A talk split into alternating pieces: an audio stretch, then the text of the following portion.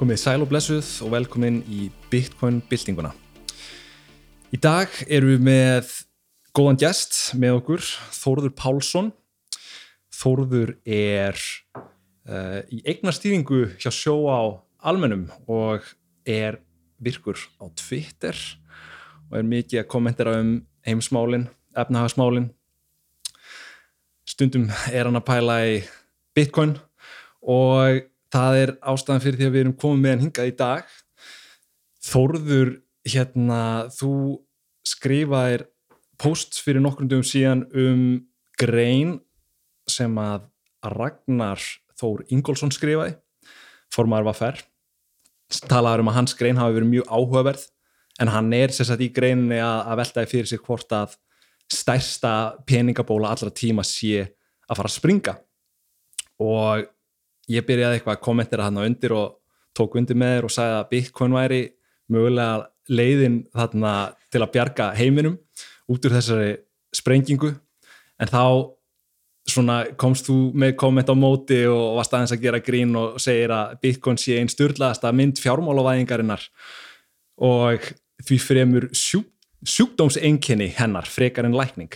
Mm -hmm er þetta ágættis kynning á þér áður en á byrjar Já, já, þetta er alveg, alveg ljómandi, ljómandi fín kynning og hérna og allt, allt sannlega kannur samkvæmt og hérna og ef við kannski svona byrjum á eins og, eins og ég sé þetta á það sem er mjög aðtilsvært hjá, hjá, hjá Ragnari og mm -hmm. hjá mörgum öðrum og það sem kannski menn er að horfa á í, í dag og að, að skuldsetningin í, í hagkerfinu, skuldsetning ríkisjóða og, og, peningaprentunin hún er svona náð, náð nýju hæðum og, svona, svona með því mesta sem við höfum séð og það sem er kannski er að það er ekki bara það mesta sem við höfum séð heldur er að þegar við höfum séð skuldsetningu fara mjög hátt í heiminum að, þá eru ég hérna, þá hefur það yfirlt verið í, í kjölfar styrjaldam mm.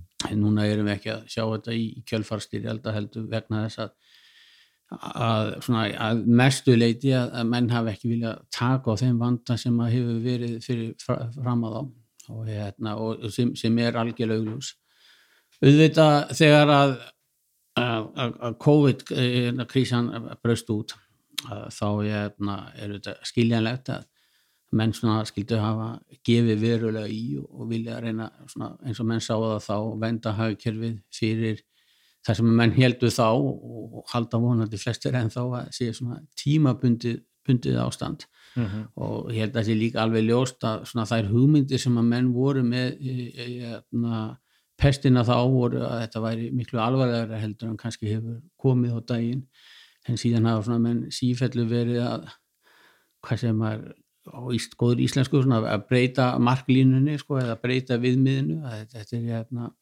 fyrst, fyrst átt að vera til þess að koma í veg fyrir að sjúkurúsin fylltust mm -hmm. og, mhm. hérna, og, og til þess að koma í veg fyrir að hér væri dauðasótt í anda spænsku veikunar eða ekki bara svarta dauða en eh, núna hefur þetta komið meira út í það að, að koma í veg fyrir að, að nokkuð maður sko, verði, verði fyrir áfalli eða með ótímanbærin döða og þegar ótímanbærin döði er kannski orðin það að hérna, fólk sé yfir áttrætt fólk sem öllu jafna bara þekkið úr, úr, úr mín eigin, eigin fjölskyldu þegar að nákvæmdir hafa fallið frá að þá hefur það gerna verið þegar það hefur verið flensu tímanbíl mm -hmm. þannig að núna er þetta orðið, orð, orð, við erum mjög sko mjög lágan tolerans einsku, fyrir, fyrir, fyrir áhættu. Mm. en svo ég komi kannski aftur að skuldsetningunni að, að þá er, hérna, að, þá er þessi, þetta COVID hérna, og þessi aukna skuldsetning út af því að það er bara svona uh, toppurinn á ísjökanum það er búið að vera að sapnast upp skuldsetning í, í, í mörg ár. Fyrsta lagi, náttúrulega kom líka mikil hérna, aukin skuldsetning út af hérna, fjármálakrísunni kringum 2007 til 10 mm -hmm. og þar í Európu þar, og sérstaklega og, og reynir einhverju til bandringu líka þar var fyrirtækjum ekki leift að, að fara á hausin mm -hmm. það var ekki, það var ekki það var, það var aldrei nýtt að loka uppgjör eins og þó var hér, hér á landi. Og stopnunum haldi, haldi lífandi og haldi áfram að prenta peninga. Nú, peningarnir þeir fóru inn í fjármálakerfið og þeir hafa haft þeir áhrif að þeir hafa hérna, lækkað verulega vakstastig, raunvakstastig í, í, í heiminum. Og, um, og hækkaði eignaverð og þar að leiðandi ístundi alveg gríðalega eigna ójöfnur þar að segja ég held að eigna ójöfnurinn ekki það ójöfnur í per se svo lengi sem að það fari eftir eh, réttum eh, leikreglum ángrið mig heldur þá að, hérna, að þarna er kerfisbundið og að íta upp verði á fjármála eignum Einmitt. og það eru þetta á, á, á kostnað al, almennings nú síðan síðan er segja menn já ok, þú ert með lágavexti og það gefur okkur smá svigrum til þess að, að vinna úr vandanum og byrju, hvernig hefur það verið gert? Já það náttúrulega hefur bara alls ekki verið gert heldur af að menn snúið sér við og sagt já það eru svo lágu vextir og þetta er hljómsið rauksendir sem við séum sko mikil sem hennar hagfræðing og svo Larry Summers og, og, og Paul Krugman eh, segja, mm. já vextir eru svo lágir að það er núna er aldrei stækifæri fyrir ríkisjóði til þess að, að fara í frankæntur og gefa í og, og það má ekki í, í, draga úr, úr, úr, úr fjárlahalla þannig að skuldirnar hafa haldið áfram að sapnast upp og, það, og eins og ég nefndi á þann að þá við séum svona mikla skuldsenningu áður þá hefur það yfirleitt verið í kjölfar styrjaldan mm. og leiðin til þess að vinna úr því hinga til hefur verið financial repression eða hvað, ég man ekki hvað fjármálulinn auðung eða hvað sem er bara neyða banka til þess að kaupa eh, ríkiskuldabrif og halda eh, raunvöxtum neikvæðum. Og það er erfitt að sjá sko það er bara tvær leiðir til þess að vinna á þessu skuldavanda. Annars vegar að, að, að fara einhverja slíka leið eða þá hins vegar að, að draga verulega saman í ríkisfugjöldum og, hérna, og sína aðhaldi í ríkisrækstri en það var nú einmitt eh, skortur á aðhaldi í ríkisrækstri sem kom okkur í hennar vanda. Og ef maður horfir á heiminn í dag að þá svona, hver er dominant, hver er svona lang áhrifamesta stjórnmárhefingin í dag? Það er populismi og, þess, og það er þá hvort, hvort heldur sko ég er hérna, hreyfingar og vinstanvægnum eins og við sjáum hérna allir með það stæmiður sósilisti þó það ekki breytagengi og Pódemus og, og, og Spáni og margir aðra. Og, og síðan er það þessi populíska hreyfing sem að hefur í kringum Donald Trump. Og menna við sjáum í bandaríkjunum að löngu fyrir COVID að, sko, að Trump sker sig algjörlega úr fórsetum hvað var það sko hallarækstur og ríkisjóði áður en hann kom að þá var það Obama og það var það sama, það var algjörlega á, áður ósíð sko Hallaræksur ríkisjóði mm -hmm. og svo sjáum við Biden að, hérna, að, að, að hann vil bara gefa en, ennþá meira í þannig að það er algjörlega þver politíð samstaða um það að hérna, halda áfram að auka, auka ríkisútgjöld, að halda áfram skuldsendingunni og þá er hinlegin eftir og það er financial repression. Og ef við til næst horfum að það er alveg magnað að fyrir, mann ekki hvað mörgum ári síðan, ekkert svo mörgum að það eru náungar og hérna Stimson og ég hef ekki nú fundið á, ef þeir eru með linka við þá getur ég sett það sko sem hafa undir mikla greiningar á fjármálmörgum mm. skrifuðu bók um aldamót sem er Triumph of the Optimist þá voru alltaf vinna með ABN AMRO hafa núna verið að hérna, gefa út sko árlegar ég held að heita Return Books og þannig að eru, eru í samfunni við Credit Suisse og þar tóku er hérna maximum drawdowns annars verður á hlutabrjöfum og hins vegar skuldabrjöfum. Það sem er maximum drawdown þýðir hvað þú getur tapa mikið frá einu tímapunkti. Mm. Og þetta er að sjálfsögða raunvirði. Þá kemur í ljós að á 2000-öldinni þá hafa ríkiskuldabrjöf verið miklu áhættu samari heldur en hlutabrjöf. Það er að segja að taps áhættan bæði, hérna, í, bæði í bandreikum og Breitlandi þú hefur getið að tapa meiru eða tapaði meira einhver tímabili og ríkiskuldabröfum heldur en hlutabröfum það þrátt fyrir hérna, kreppuna miklu. Og þetta er kannski svona það ástand sem við, við, við sjá, sjáum fram á í, í, í, í dag. Að ríkisjóðir eins og allans núna á öfrusvæðinu þetta er ekki eitt val hjá þeim lengur að vera með sko lága vexti til þess að örfa hagkerfið. Hagkerfið örfast ekki neitt. Það eina sem gerist er það að öll ásnakrafa bjagast og menn fara í hérna, verkefni með lærri og lærri ávöxtun en veist, metnu með minni áhættu. En ríki hérna, hækka svo hann að hratt eh, rík, ríkiskyldnar en síðast ég vissi þá var, var Ítalingsa norðan við 160% og Gríkland norðan við 200% og það eru þetta alveg ljóst að ef að Evropabankin hækkar vextu um, um 100-200-300 punta að þá, hérna, þá eiga þess að þjóður ekki nokkur möguleik að borga skuldi sínar. Og á sama tíma þá eru lönd eins og Þýskaland að, að kljástu verbulgu þannig að, að það er svona erfitt að sjá, það er svona frekar á, á þann máta sem að ég sé sko hvernig sko fjármála bólan springur eða ekki þegar ég, ég er langt frá því að vera samfæriður um hún springi með, með kvelli en það er allan að ljóst til ég að við erum í ástandi sem að, hérna, sem að getur ekki varað þó það sé en þá komum við aftur að því eh, Ragnar hann tók einhver dæmi af, af, af kennitöluðum og annars líkt og Tesla og, og SOP 500 og allt er þetta, þetta með miklum ólíkindum. En eh, hvort þetta springi á morgun eftir, eftir fimm ár eða hvort þetta er bara eftir að flatlæna í einhver tíma það, það treystir mikið til þess að segja. Nei En hann, hann, hann spyr líka, skilur, þú veist, ef að þetta myndi springa, er eitthvað annað sem við getum gert. mm -hmm. Hann segir að það sé nöðsulegt að við þurfum að geta varið okkur. Mm -hmm. Hvernig við að geta varið, hvernig á vennilegt fólk að geta varið sig gegn verðbólkunni sem að ásist staða núna?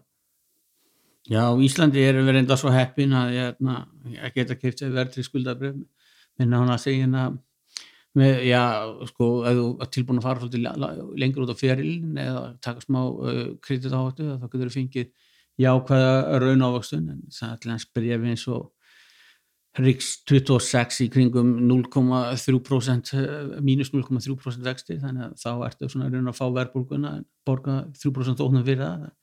Það, það er góð, góð leið en svo er spurningin sko hvernig heimurinn almennt getur uh, varðið sig og hérna og heimurinn, heimurinn getur þetta ekkert varðið sig.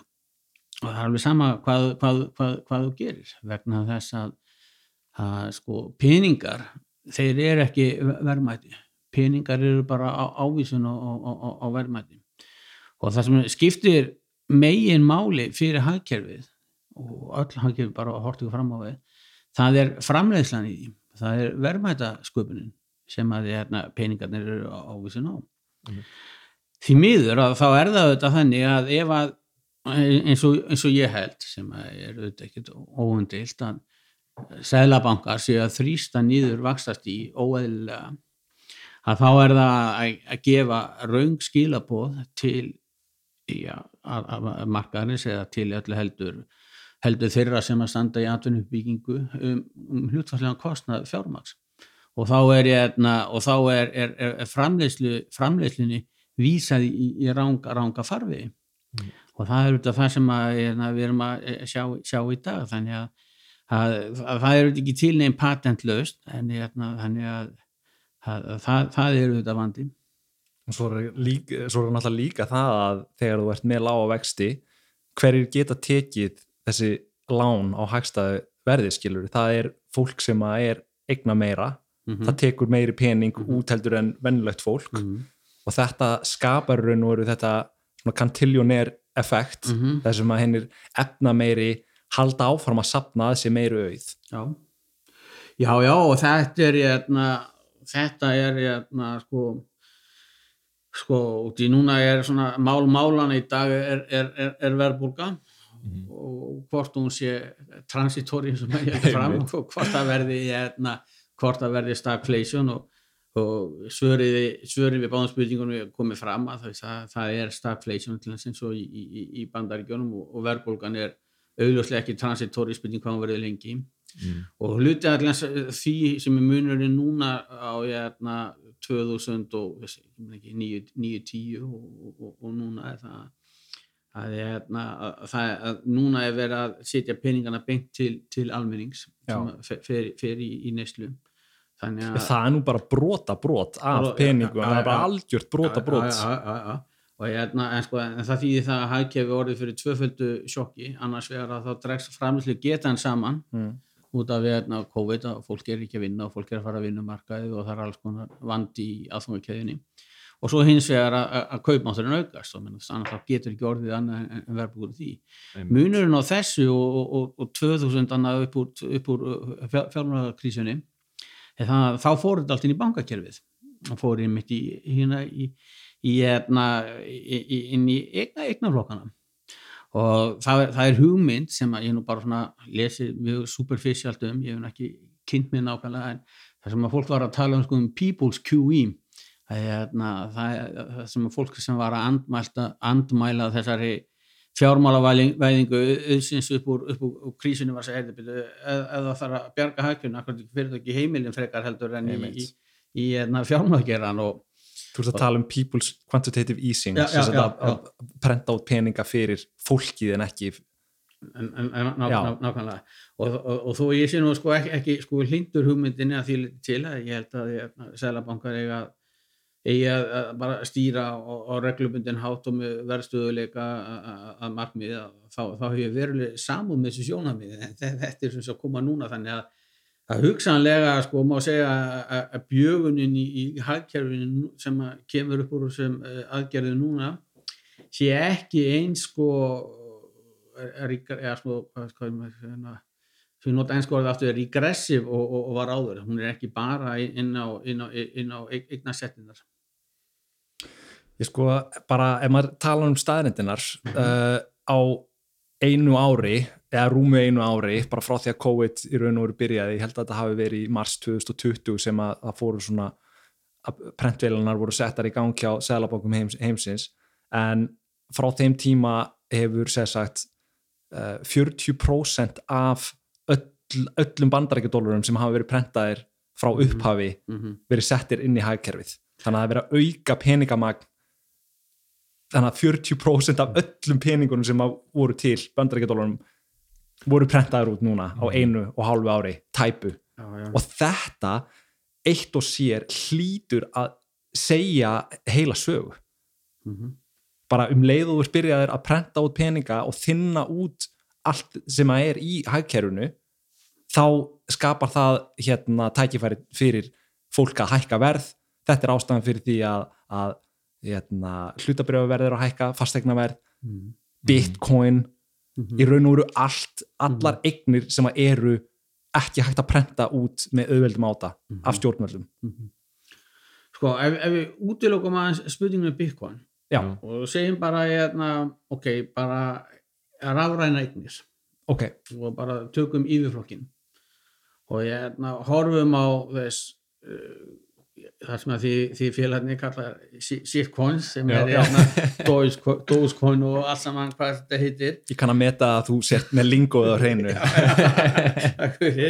Og svo sjáum við öll þessi NFT sem er, sko, ég, ég veit ekkert um að ég sé bara þetta, þetta er algjörlega stjarfæðilega ljóta myndir sem Mm. hver, get, hver sem er getur sko kóperað sko, og nú- nú- nú- raunverulega nota það vil sko. Mm, og, þess, og þetta er fáranlega ljótu myndir og þetta sem meiri segja þið kallið umurlega myndir það er að sjáu verðfrón á því og þess að menn er að borga miljóni dollara þess raunverulega verðmæti sko verðmæti sem að gætu sko fætt heiluð þorpin sem að gætu sko byggt brýr Mhm. í einhverja, einhverja jóðpekkmynd af ljótu manni. Heyr, heyr algjörlega. Hérna, byrju, er, er, byrju, er þetta ekki hérna, er þetta ekki tærasta byrtingamynd peningabólum halda algjörlega og ég myndi segja að þú veist þú varst öruglega hérna, að fylgjast með kringum 2000 við vorum ennþá öruglega Já. pínu litlir skiluru en þú veist, er þetta ekki bara daldið svona .com búblun já, þú veist það sem að fólk var að kaupa lén já á, miljónum miljónum dollara .com Já, hérna já. sem að þú veist, það er ekkert virði á bak og fólk er í raun og veru bara að spekulera Mhm. í, það var bara mjög mikið hæp í gangi með interneti og þegar það er svona Já. eitthvað nýtt að mótast og það er svona mikil hræring í samfélaginu að þá er svona, þú veist, mikið um að fólk sé að fara í mjög átsamar og að mínum að þetta vitlisar fjárfestingar eins og það að kaupa eh, bara vefsíðu sem er í raun og veru bara lén á, á þú veist, Já, stjarfræðilegar upphæður en svo er allt orðið svo stjarfæðilega sko, miklu meira núna heldur en þá. Ég veit ekki hvort þið hafið séð hérna, Austin Powers myndina jú, jú, þegar að hann hérna, ljóti kallinn þar alltaf var að, að, að taka allan heiminn í gíslingu og vildi fá, var, var það ekki og, og, one million dollars. Og, og allir hlóðu og ég, ég var einmitt að bara horfa á með strákunum mínum hérna síðustu helgi á myndina The Rock. Hún er held ég sé einhvern frá í, í kringum cirka 2000 þar voru þeir búin að taka San Francisco í gíslingu Einmitt, já, frá. Alcatraz. Og hérna ljótu kallarnir þar sem alltaf er bara 100.000 manna í, í San Francisco. Svo þegar plottið var að fólda þá voru algjörlega brjálaður og, og, hérna, og vi- vildu halda áfram með það og, og raunverulega sko myrða þarna tíur ekki hundru sem manna vegna þess að þeir áttu vona á, á haus eina miljón dólara hérna, þannig að núna svona, ég er bara að fylgja á, fylgja á Twitter hérna, hvað heitir hérna, mann ekki alveg hvað heitir, heitir TikTok Finance eitthvað slíkt. Ok, og það sem maður sér hérna, það sem að fólki hérna, mikið af þessum úlingum sem eru þar að, að, að treyta sko, shitcoins og- meme stock og það, eru þegar að taka sko miljón dólar á dag og það þykja það merkilegt að það er algjörlega. Þannig að eitthvað svona verðmættaskynni hefur al, algjörlega farið út úr öllu ö- ö- öllu, öllu korti og, hérna, og það sem að maður verður alltaf að hafa í huga og koma svo í jörðin að það er þessi, hérna, býtu, þessir dólarar sem menn er að borga fyrir fyrirtæki og við, við sáum náttúrulega að Rivian núna í vikunni fer út á 78 dólara fer upp í síðan held ég 170 og núna einhverstaðar í 120-130 og, og hérna, kostar meira en flestir aðra bílað framleitur samanlagt og þeirra var aldrei selt bíl. Nei, nákvæmlega. Var aldrei selt bíl. Þannig að þetta er auðvitað þetta auðvitað bara að missa alla hjartingi en út af því að þú nefnir sko, og svo 2000 og, og bóluna þá Mm. Að, að, veist, þar, þar var líka mjög augljós bóla að mann fannst og held bara öllum fundist í raun og veru líka á, á þeim tíma það er hérna síðan gerir það reyndar og, og það er kannski svona, ég veit ekki, ykkar ykkar von að, hérna, að þvert og allt að margir svona mestu bólu bólustokkandi þá eru stærstu fyrirtæki heims í dag og Nefnilega. þá ég til þess í hug- huga sko Amazon og einhver tíma var eBay stórt, ég veit ekki alveg hvernig það fer fyrir þeim núna og, og veist, hérna, þannig að við vitum við, við sko þurfum að sjá, sjá hvað ke- kemur ná, ná, nákvæmlega úr, úr, úr þessum það þetta er- svolítið svipað þegar það var raunvirði, þú veist, það var alveg raunvirði Já, í internetbólunni. Mhm. en, en þegar þú ert samt, þú veist og það var alveg ástæða fyrir að var hræring í samfélaginu, það, það var eitthvað raunverulegt að gerast. En bara þegar vittneskjan er svo lítil um það sem er að gerast að þá verðist maður sjá bara svona massívar búblur myndast í kringu það. mér finnst eh, smá, eins og þú varst nefna Rivian, að þá er, er smá einskilur að því að Tesla er að gera svo mikið af disruptive hlutum sem er ekki bara í rafbíla uh, væðingu og ekki bara í að gera rafbíla en, en fólk veit ekki aðeins betur og heldur að þetta sé bara bílufyrirtæki og síðan þegar fyrirtæki eins og Rivian kemur að þá, þá er þeir svona þeirri skoðan að þetta sé næsta Tesla og sé með sama potential Mhm. Mér, mér finnst það ekki sambarlegt að því að Rivian er náttúrulega bara bílafyrirtæki og er þannig að eins og þú segir ekki búin að gefa, að gera einn bíl. En, Mhm. önnur líkindi sem að kannski hægt að nefna er að þarna í kringum þú veist 96, 7, 8 þá er internetið fyrirbæri sem að það eru svona ákveðin hópu sem er búin að átta sig á að þetta er eitthvað. Ég veit ekki hver narratífan var nákvæmlega en ef við kíkjum aftur í þenn, þennan tíma þá sjáum við notenda fjölda og einhver var mjög líklega búin að átta sig á því að þarna var internetið byrjað að sko notenda fjöldi var byrjað að, að, að vaksa mjög hratt og svo sannlega byrjaði að njóta þessara net áhrifa, en svona network effects það sem að virðið eikst með hverjum notendanum sem að, sem að kemur inn í kerfið. Og þú getur sett sama sem merki á milli þess sem er að gerast núna og í svona, ef ég leifu mér að tala um þetta svona crypto space, að því að jú vissulega ertu með bitcoin sem að er helmingurinn af markasverðinu og svo ertu með þetta shitcoin sem að er hinn helmingurinn. Þetta er gríðarlega stórt space uh, í báðum tilfellum þarna í lok 20, nei, tíunda ára tugar síðustu aldar og svo núna í dag með, með krypto og bitcoin. Og e- það er engin, engin furða að þú ert með þess, þessa kaotík og þetta svona vilda vestris hérna attitút í gangi með að allir geta orðið ríkir á því að kaupa þú veist, Shiba Inu coin eða pets.com mm -hmm. fólk veit ekki betur, fólk sér bara hækkanir og það vil taka þátt. En inn á milli eru gimsteinani sem að munu síðan keira áfram tækni og yðnbyltingu uh, 21. aldarinnar.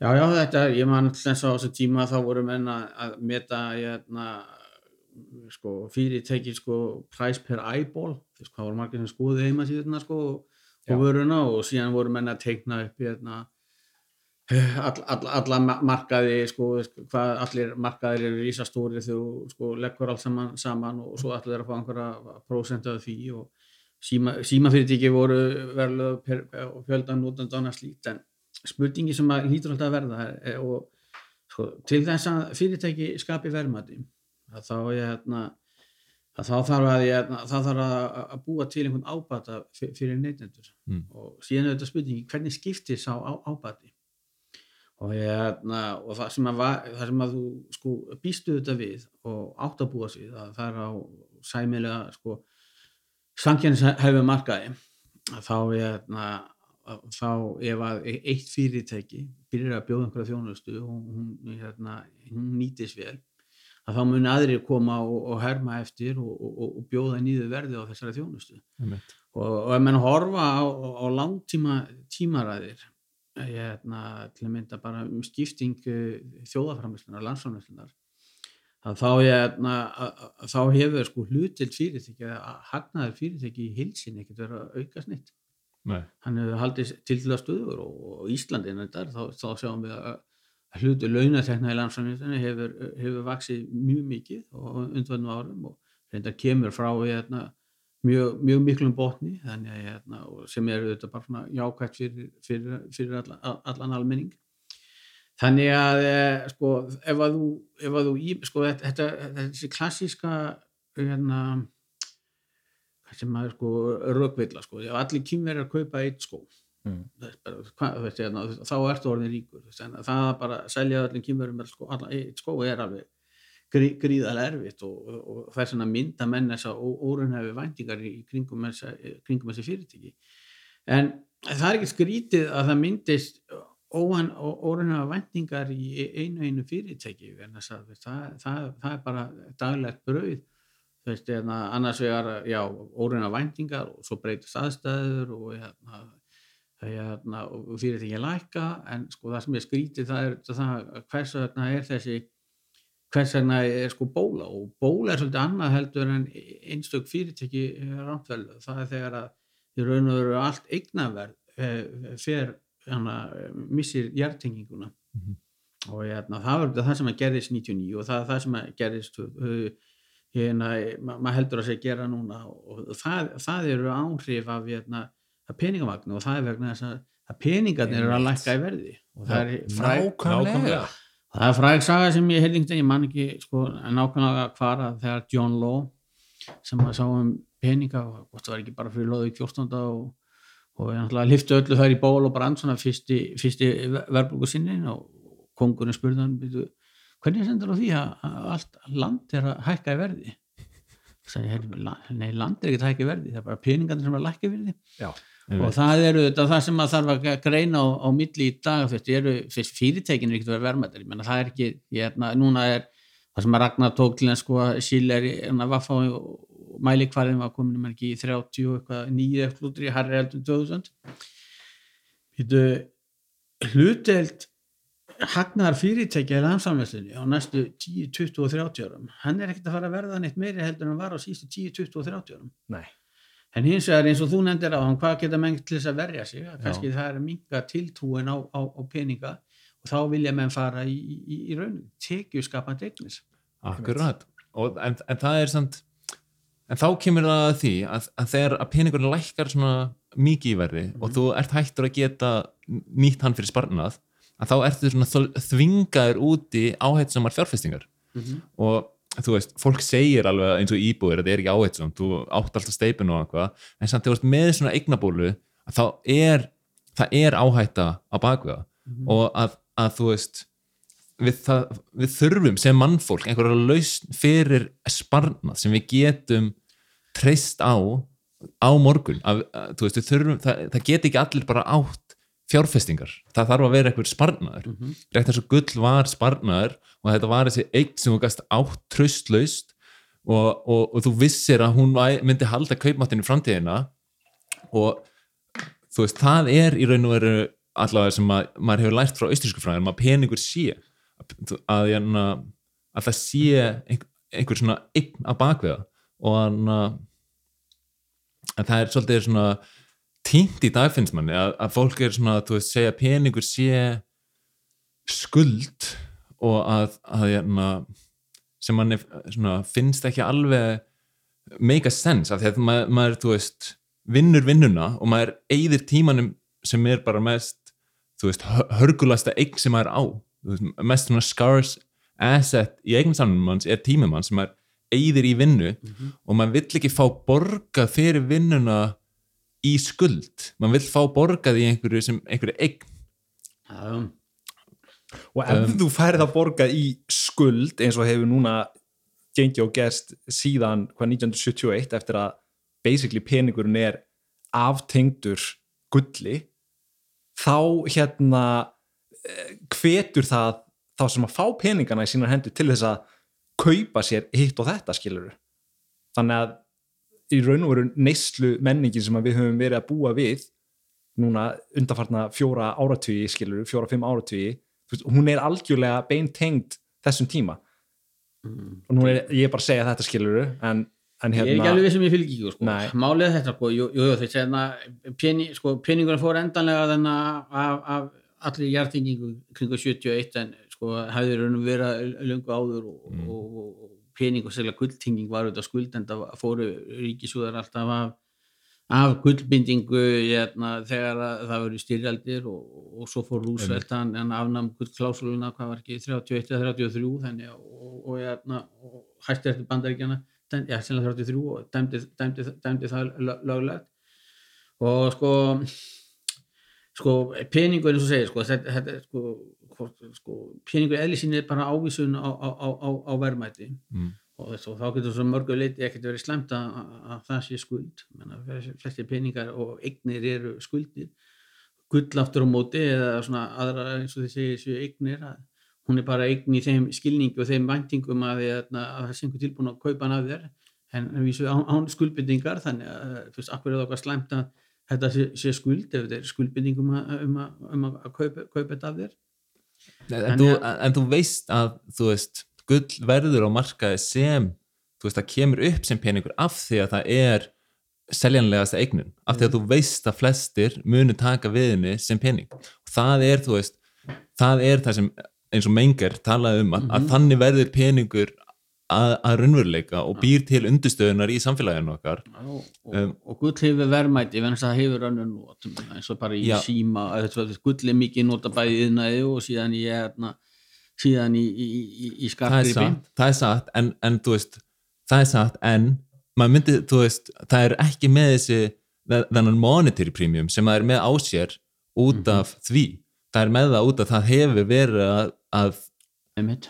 að þjóna þessu hlutverki sem peningur og þá hefur það verið með stóran monetary premium sem hefur að vísu verið að lækka síðustu áratug og mann er svona, maður sér að gull er svolítið að lækka og lækka að uh, það sem er svona að því verði sem maður myndi kalla svona industrial use verðinu, þetta er svolítið að fara úr því að vera peningur yfir því að vera industrial metal, það mun alltaf vera virði í gulli af því að það er notað í tannlækningar og síma og, og fleira og skarkripi en, en monetary premium kemur ekki út af því, hann er, hann er sér og mögulega þá hefur maður lært í austurísku hagfræðinni að það eiginlega það hamlar gull að það sé notað í yðnað af því að ef þú ert að líta á gull og ástæðan fyrir því að það er gott að nota það sem pening er af því að hún er hörgul og það er erfitt að búa til meira henni. Þannig að þú, ef þú heldur á henni og heldur á tölvöld magna þá getur verið viss um það að því að það er búið að vera að grafa eftir í þúsundur ára og gull eyðist ekki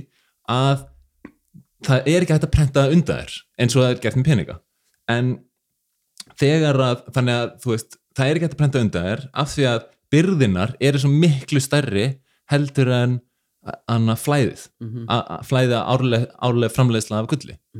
Um, en ef þú ert að nota gull í yðnað og í tannlækningar og í síma og fleira skarkripi að þá ert að taka af byrðunum og setja það í við Mhm. þannig, þannig að það svona minkar þetta hlutfall milli byrðir yfir flæði og gera það líklegra að það sé hægt að prenta undan þér Mhm. um, þetta, ef maður hefur heyrt þessi anna rök að, að þú veist gull, þú, þú, það er svo gott af því að þú veist það er alltaf notað í yðnað, en, en þegar maður fyrir að hugsta svona þá, maður, þá sér maður svolítið að gull er með tvo þætti, það er hægt að nota yðnað og, og það, er, það er, hefur verið notað sem peningur. En það að vera notað yðnað hjálpar ekki endilega um, Nei, nei, það hjálpar að komast að stað sko. Ég er nú vísu hjálpar ekki að ekki, komast það, er rétt. Vísu ekki sérfræðingur í gulli og er ekkert sérstaklega sko hrifin að gulli en, en ég segi það nú bara sko síðustu tíu ári í, sögu gull er svo stuttu tími að ég svo gull hafi ekki eins og tekið eftir þessu ennþá. Já, en samt sko, gull Og hefur, hérna- gull hefur verið infla inflation hedge í sko, Já, já, það margar er- aldir og er- hefur raun og veru alltaf fyllt, fyllt verðinu bara nokkuð, Ná- ná- nokkuð ná- fljótlega. sko, af hverju er það ekki að gerast núna á þessum gull- tíu ár gull er, gull, gull er vörn og, hérna, og hérna, ég held að sko þetta svona sæmir að normal hagkerfi sko, þá, þá viltu hérna, fjárfæsna í, í tekjumyndun og, og, og, og, verðum þetta skupun gull er bara hérna, fjárfæsting í, í, í fortíðin í raun og og, hérna, en það er þetta allt þannig að þegar allt hefur farið gjörsanlega í döðlur sem við skulum vona að sé langt í að gerist eða gerist nokkuð tíðan aftur þannig að þá viltu ekki hafa frekar í vasanum heldur en nokkrar hérna gullmyndir. Já, en það er einmitt svona í sögulu samingi þá hefur það verið þannig. En saga, sagan sýnir okkur það að, að því að gull er ekki fyrsta forma peningum á bitcoin eða, eða, eða íslenska krónuskilur það hafa verið til margar tegundir af peningum og sagan sýnir okkur að þegar að það eru tveir peningar að keppa á markaði þá er ekki hægt að sniðganga pe- þann pening sem að hefur betri eiginleika þú veist það er að taka mjög mörg dæmi um þetta og, og Seyfuddin Amús skrifaði til dæmis mjög vel um þetta í bókinni The Bitcoin Standard sem ég mælu með að allir sem að vilja kynna sér Bitcoin lesi. En það tekur hann til dæmis bara einfalt dæmi um þegar að hérna einhverju eigaskeggjar sem að nota skelljar sem, sem pening koma og hitta spánverja sem voru með sem að vildu fá gullið þeirra skilur Mm. og þeir spánverjarnir komu með skelljarnar hérna, til, til eigaskeggina og náttúrulega bara þú veist long story short, they, they got in the A skiluru, af því að þeir töpuðu öllu gullinu sinu og það mætti koma með þessa svona samlíkingu í dag. Af hverju á þessum tímum þar sem að upplýsingar eru sko á 0-1 komnar í kringum allan heiminn gull ætti að vera núna skyrocketing ef eitthvað væri. Mm. ef að það væri að sinna hlutverki sem sem inflation hedge. En í dag ertu með betra form af peningi. Bitcoin skorar hærra í þeim eiginleikum sem að gera peninga að góðum peningum. Og þetta er allavega eitt af því, því svona speculationi sem að Bitcoinar hafa verið að benda á sem dæmi um það af hverju Bitcoinar hækka svona gríðarlega mikið í verði á meðan að gull stendur í stað eða er, er jafnvel lægra, ég veit ekki nákvæmlega hver er staðan en það er allavega ekki að hegða sér eins og það hefur gert í sögulegu samhengi.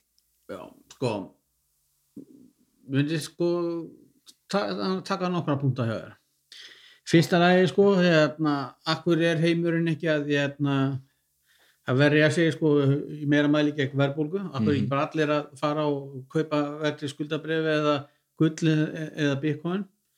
Það verður þess að við sýtum inn að þrýr og við erum ábygglaði þrýr einu í svona nokkra milna radíu sem að erum þessara skoðanar og erum þó í þéttbílista svæði Íslands þannig að þetta er hérna minnilinda sko, ég menna þetta bara heimurinn er ekki ein, eins og við öðru lagi hversuna eru menn ekki að nota gull til að hetsa sig Mhm. og það er alltaf annað sem, að- sem að gerist sem að, hérna, sem að auðvitað gæti líka verið ókn við, við, við bitcoin eins og ég, ég sé það Mm.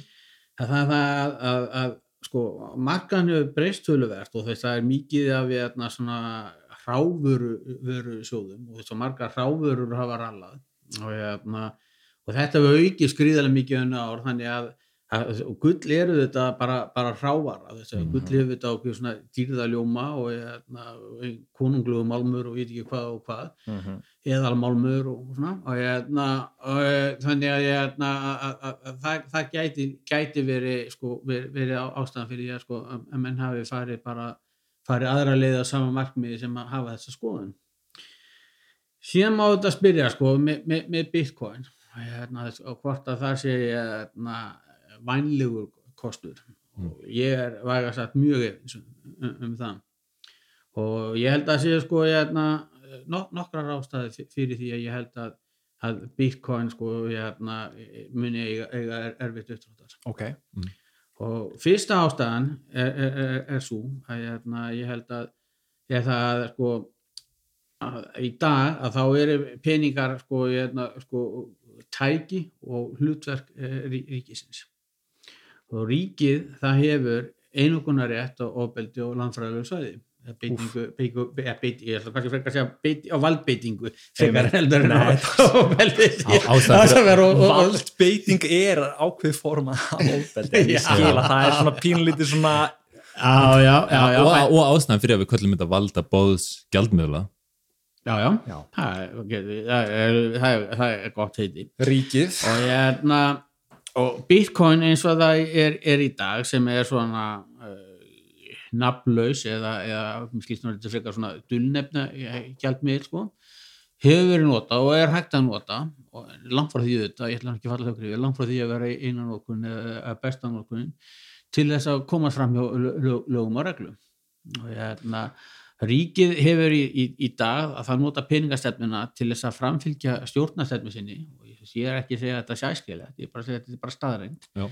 Og hérna og í í- ýmsa vegu sko hérna, með, með fjárfestingi hagkerfinu, samgöngumál og, og, og annað Eh, ríkið notar í raun og sko er með myndsláttu hagna að myndinni sem að sko að, að það vil ekki missa og loks að þá er ríkið með hverskins bóð og, og, og, og bönn Mhm. sem að þessi menn geta nota til að koma framhjá hérna, komast framhjá með notkun á bitcoin. Mhm. þriðja lagi að, að, og í fjórða lagi að einhverju lagi allan ég man ekki hvað hva ég var að- að- búin að tæla um margt að þá ég hérna, að, að þá náttúrulega nærist ríkið á eða gengur fyrir skattlagningu.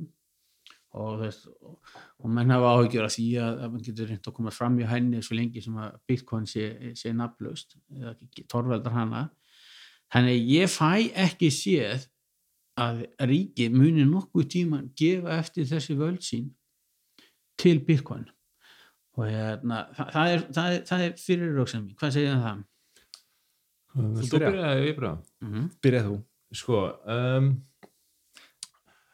sko með fyrst, bara- ok, bara með fyrsta bara að ríkið, Mhm. þú veist þeir hérna segir bara ok, bitcoin er eitthvað sem við viljum ekki hafa, við viljum bara banna það bitcoin er kerfi sem er ómiðstýrt. Mm -hmm. Þú ge- það er ekki hægt að banna bitcoin. Bitcoin kerfi heldur áfram að ganga sama hvað gengur á og sama hvort að hérna, eitthvað stjórnmald í einhverju landi segir stopp. Gott dæmi um þetta er bara núna. E, mögulega stærsta árás sem hefur verið gerð á bitcoin frá upphafi ker, kerfisins átti þessi staði núna í sumar þegar að Kína bannar bitcoin vegna umhverfis ástæðana og öruglega einhverja annara ástæðana sem við okkur er ekkert endilega sagt frá ofinbyrlega en á einu bretti þá fer uh, ég man ekki hversu mörg prósent 40% af allir þeirri orku sem að kerði bitcoin kerfið með námugreftri fer og er bara slögt á vélunum. Uh, hvað gerist í kjölfarið að því? Um, þessar vélar í raun og veru eru bara settar í kassa shipaðar til annar landa sem eru með stjórnvöld sem eru hérna taka betur á bitcoin með sínum lögum og reglum og kerfið heldur áfram að ganga. Og þetta er svolítið svona leikjafræðin sem maður sér í þessu sem hefur verið spáð fyrir er að, er að þú veist, ef að eitt land eða mörg lönd banna bitcoin er að það eigur gífurlega incentivið fyrir önnur lönd að taka þau þannig að það, það þyrft að vera mjög koordinatuð uh, stefna allra ríkja uh, saman að banna bitcoin fyrir það alltaf ganga. Og ofan á það að, að, að bitcoin er bara kóði. Þetta er bara og, og, og fælst bara undir hérna, freedom of speech uh, lög já, hægt þetta. Mm. og hana, þannig að samkvæmt svona flestum stjórnarskrám þá er bara svona gegn þeim að banna bitcoin. Um, Er en bitcoin síðan kæmi, síðan kæmi það og, og að ríkistjórnin myndu banna bitcoin það myndi að mínum að gefa svolítið svona fólkinu um, svolítið sín á að þetta er greinilega gífurlega fyrir ríki og af hverju og af hverju skildi hana, ríki vera að banna þetta? Um, en að þegar það hefur gerst að ríki hafa tekið upp á því að banna bitcoin þú nefndi Kína en það er líka gott dæmi um Nígeríu sem bannaði bitcoin er að þá varð netið sterkara. Eða það er að segja að það markaðinir sem voru svona kallast peer-to-peer það sem að fólk er bara að eiga í skiptum án þess að vera með þriðja aðila um, þeir stækkuðu gífurlega. Þetta er svo kallað Barbara Streisand effekt þegar að kom einhver paparazzi og tók mynd á húsinu hennar Barbara Streisand og hún kærið hann að því að hún vildi ekki að allir myndu vita hvað hún ætti heima þá allt í einu sett hún svo mikla aðtikli á það að hún væri með hús á þessum stað að allt í einu vissu allir í heiminum að hún ætti heima þarna. Bitcoin hefur bara sínt þetta. Ég skal segja ykkur hvað Já. sem ég hef enga trú á þessum rökum ykkar. Ég held að sko þetta byggja á klári óskíku hjá okkur um, um eðli ríkisvalsins og þið sjáu bara hann er postinn Pál fyrir ykkur. Ég, hérna, ég held að, ég, hérna, að, sko, að, að ríkin og ég hérna, sko bara nefna, nefna hlistaði. Sko, við komum inn upp að við sko í netbóluna Mhm. og því kannski, kannski muni ekki eins og ég all- allar hérna væntingarnar um, um hérna um hérna hið au- aukna frelsi og hérna, eh, hvað heita hérna, freedom frontier og allt saman sko um, um, um hérna og hinn auknu hérna líðréttindi og auðveldara tjáningu og annars líkt sem átt að vera með internetinu Mm. Hvað erum við komin í dag? Við erum komin í hérna tæknirísana sem eru fannar að stýra heiminum eins og hérna stóri bróðir í 1984 Já, hérna, þessi, hérna, ég hef bara hlustað á um daginn og hljóðbók hérna, hérna á 1984 Mm -hmm. ég hafði ekki, hafði lesið hana sem hérna úlingur eða ungu maður ekki hlustað hana síðan bara, hvern hver þremillin, hann sá fyrir tæk, hvernig hann sá þetta fyrir. þetta, er- ólíkindum. Og ég held að, hérna, að það sama geti gerst, ég er ekki að segja að gerist ég segja að sama geti gerst og ég myndi ekki treysta að það Einmitt. gerist sko, með, hérna, með Bitcoin. Og þið nefnið, nefnið það að, að, að það geti allir sko farið og verið með þetta og annað slíkt. En byrju, þá ertu bara að tala um Bitcoin sem fjárfæstingu en þá eftir að sko, til þess að Bitcoin annað getið þjóna einhverju tilgangi þá hlýtur að það þurfa að hafa eitthvað, eitthvað, eitthvað notakildi og, og þá ertu verið að sjá það að það verið notað í verslun og þjónustu En Algjörlega. og ef að bandari skattyföld og stjórnvöld segja við Amazon heiði, þið eru hérna, fyrirtæki þið með corporate charter, hérna, charter sem að við veitum ykkur Mm -hmm. og ef að þið, hérna, ef, ef að þið hérna, ætla að fara að vesla með miðil sem við bönnum ykkur að þá missið þið, hérna, þá missið þið réttindin sem fyrirtæki hvað heldur að líði langi tími þannig til Amazon annarkvæmt lokar og Bitcoin og, og, og fyrir nýta hitt er það að í Bitcoin kóðanum sem ég held að sé mjög hættilegt fyrir alla sem eru að nota ef að menn ætla að nota þetta til þess að leina sig hvað Mm. er, er ledgerinn yfir Mhm. alla fæslur Mm -hmm.